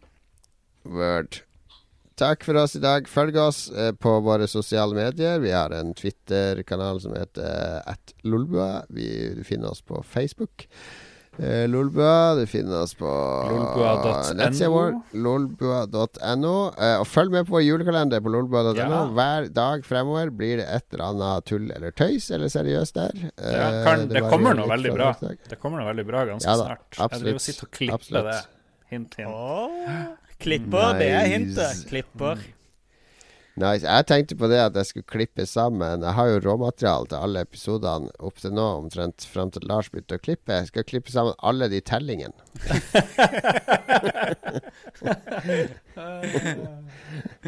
det var en kjempeidé. Det blir, det blir, det blir én time med telling til, til ti. Det kan være bare telle til ti, men at, at vi har alle tellingene oppå hverandre på likt. Kanskje det, 52, det kommer. Kanskje det kommer. 150 stemmer som roper oppover. Det blir masse moro på lolbua.no i hele desember. Uh, vi er tilbake om en ukes tid. Uh, tema og alt mulig Det har vi sagt allerede. Det blir årets spill neste uke. Yes. Uh, vi har sikkert tid til å prate om en del annet òg. Ja, jeg har ikke noe mer. Nei, uh, nei hvem, hvem, har mer? Vi, uh, vi er vel mm. på oh, Altså, uka etter neste uke så må vi jo kanskje ha Star Wars spesial. Uh. Oi! Det Vi skal jo til og med på kino den dagen. Ja, to av oss skal jo på kino den 16. der, så vi kan jo ha innspilling den 16. Ja, skal... Det er ikke noe viktig om Lars har sett den eller ikke. Jeg skal òg se den. Jeg blir kanskje å få se den før, siden jeg er legitimt presse, vet du. Kanskje vi kan lage en uh, liten uh, livereportasje mens vi er på vei til uh, filmen. Jo. Kanskje vi kan ta opp filmen på mobilkamera i salen? Hvis kan vi legge det ut på lolba.no. Ja, vi, twitcher, vi skal twitche hele Star Wars 16.12. Jeg tror det er lov. Jeg tror det er lov. ja, jeg, ikke se, jeg har ikke hørt noe om at det ikke skal være lov. Helt fint. Det går nok bra. Nei, vi, hvis, hvis, det klaffer for oss datomessig alt, så blir det Star Wars spesial 16.12. Det, det, det, blir vanskelig å holde spoilere unna da hvis vi nettopp har sett filmen og skal snakke om den. Så, så det blir spoiler spesial. Ja, vi blir jo ikke Vi blir jo å se filmen 16.12. Dere i hvert fall, så vi kan ikke ha sending da. Det går jo ikke an. Gjør det det? Eller skal vi ha jo, vi skal se den klokka fire. Eller to. Jeg skal se den klokka ni. Ja, nei, det, ja, kanskje jeg får se han dagen før, men ja. Da rekker vi å Men uh, du er vel noen tidssoner unna oss, er du ikke det, Lars? ja, vi burde være det. Det er mørketids Det er derfor, Hvis meg og Magnus ser den sånn på formiddagen, så rekker vi å spille inn fra seks til åtte, og så mm. kan du gå og se den med alle våre spoilers friskt i minne. ja, ok, ellers så blir det dagen etter, men da, jeg regner med at 90% av Lolbua-lytterne kommer til å se den filmen i løpet av den uka ja, der. Sånn at uh, spoiler eller ei, det, det, må man tåle. Ja, jeg stemmer på sending 17., men nå går det, blir vi jo veldig detaljert. Det er en god ja, idé. Her er det, det, jeg tror lytterne elsker at vi tar det vi skal snakke om etter sending, før vi avslutter sendingen. Ikke si alt ennå! Bli, bli, bli! bli. Men Katt, er det du som har Star Wars-CD-ene mine, eller hvordan er det? Jeg mista jo alle CD-ene mine da jeg var nede i Oslo. Jeg har kasta alle CD-ene, altså. de har du mista for godt nå. Jeg hadde jo en dødsbra sånn CD-boks med originalt. Jeg har eh, den Executor-boksen, og det er ikke CD-er, det er VHS. Ja, men jeg hadde musikken òg. Jeg hadde det med på hytta. Jeg tror det var der jeg mista jævla dritthytta til Frank. Dette er den beste sendinga vi noensinne har hatt. Du vet, du vet når du er på besøk, og, sånn, tape. så, er så alt du har lyst til å gjøre, er bare å gå. Og så blir du stående så han som liksom du er på besøk hos, han blir stående så liksom mens du står med klærne på og begynner å bli varm og sånn, så begynner han sånn her Ja, du, forresten, jeg, jeg glemte å si det. Jeg var på, var på, byen i helga, så skjedde det ting. Og, ja, men lyttertallene har gått opp etter at vi sa takk og farvel til nå, så Eller sånn live-seertallene. Kanskje det er det som er hemmeligheten, at uh, vi må bare si ha det lenger. Ja. For ja. folk elsker å se oss gå. Jeg ville bare ha avhøret mitt om Star Wars-CD-ene mine på tape, sånn at jeg kunne bruke de i en rettssak hvis han innrømte at han hadde de og jeg ikke fikk den. Jeg har ikke de. Jeg hadde også noen japanske singler og sånn skit som du tok med deg hjem fra Japan. Sånn uh, J-rock og det, det, var gaven til deg, og så kasta du det. Ja, ja, ja. jeg har også en skjorte jeg fortsatt bruker, som var din. ja, vær så god. som du brukte på byen. Og sånn. Oh, nice. Det bruker jeg ja. Jeg har enda litt dårlig samvittighet, fordi da jeg var i Japan, så ønska du deg mest overalt på jord. Det var sånn Parappa the Rapper-brødrister eller vekkerklokke eller noe sånt. Så bare glemte jeg helt av det. Ja, det husker jeg. Så det Det bare dreit du lang marsj. jeg var opptatt med å sjekke opp damer. Det var jo eh, det er godt å være norsk i Japan. Nå gir vi på en måte lytterne litt den følelsen av å sitte foran oss på trikken. Eh, det er jo veldig Når vi er full, sånn, full på vei ut på byen. Yes. Ja, det har vi overtrøtt alle sammen, så det er bare tull. Ja. Nei, vi sier ha det nå. Takk for at du fulgte oss. Yes. Takk for at du har fulgt oss med mimring i ti episoder. Ti år på ti episoder, det er slett ikke dårlig. Ti år på Kun på Lolbua. Lolbua forever. Ingen nedleggelse her i går. Vi høres om en uke. Ha det bra. Ha det. And if you could uh, give your oxygen tanks a stir. Roger that.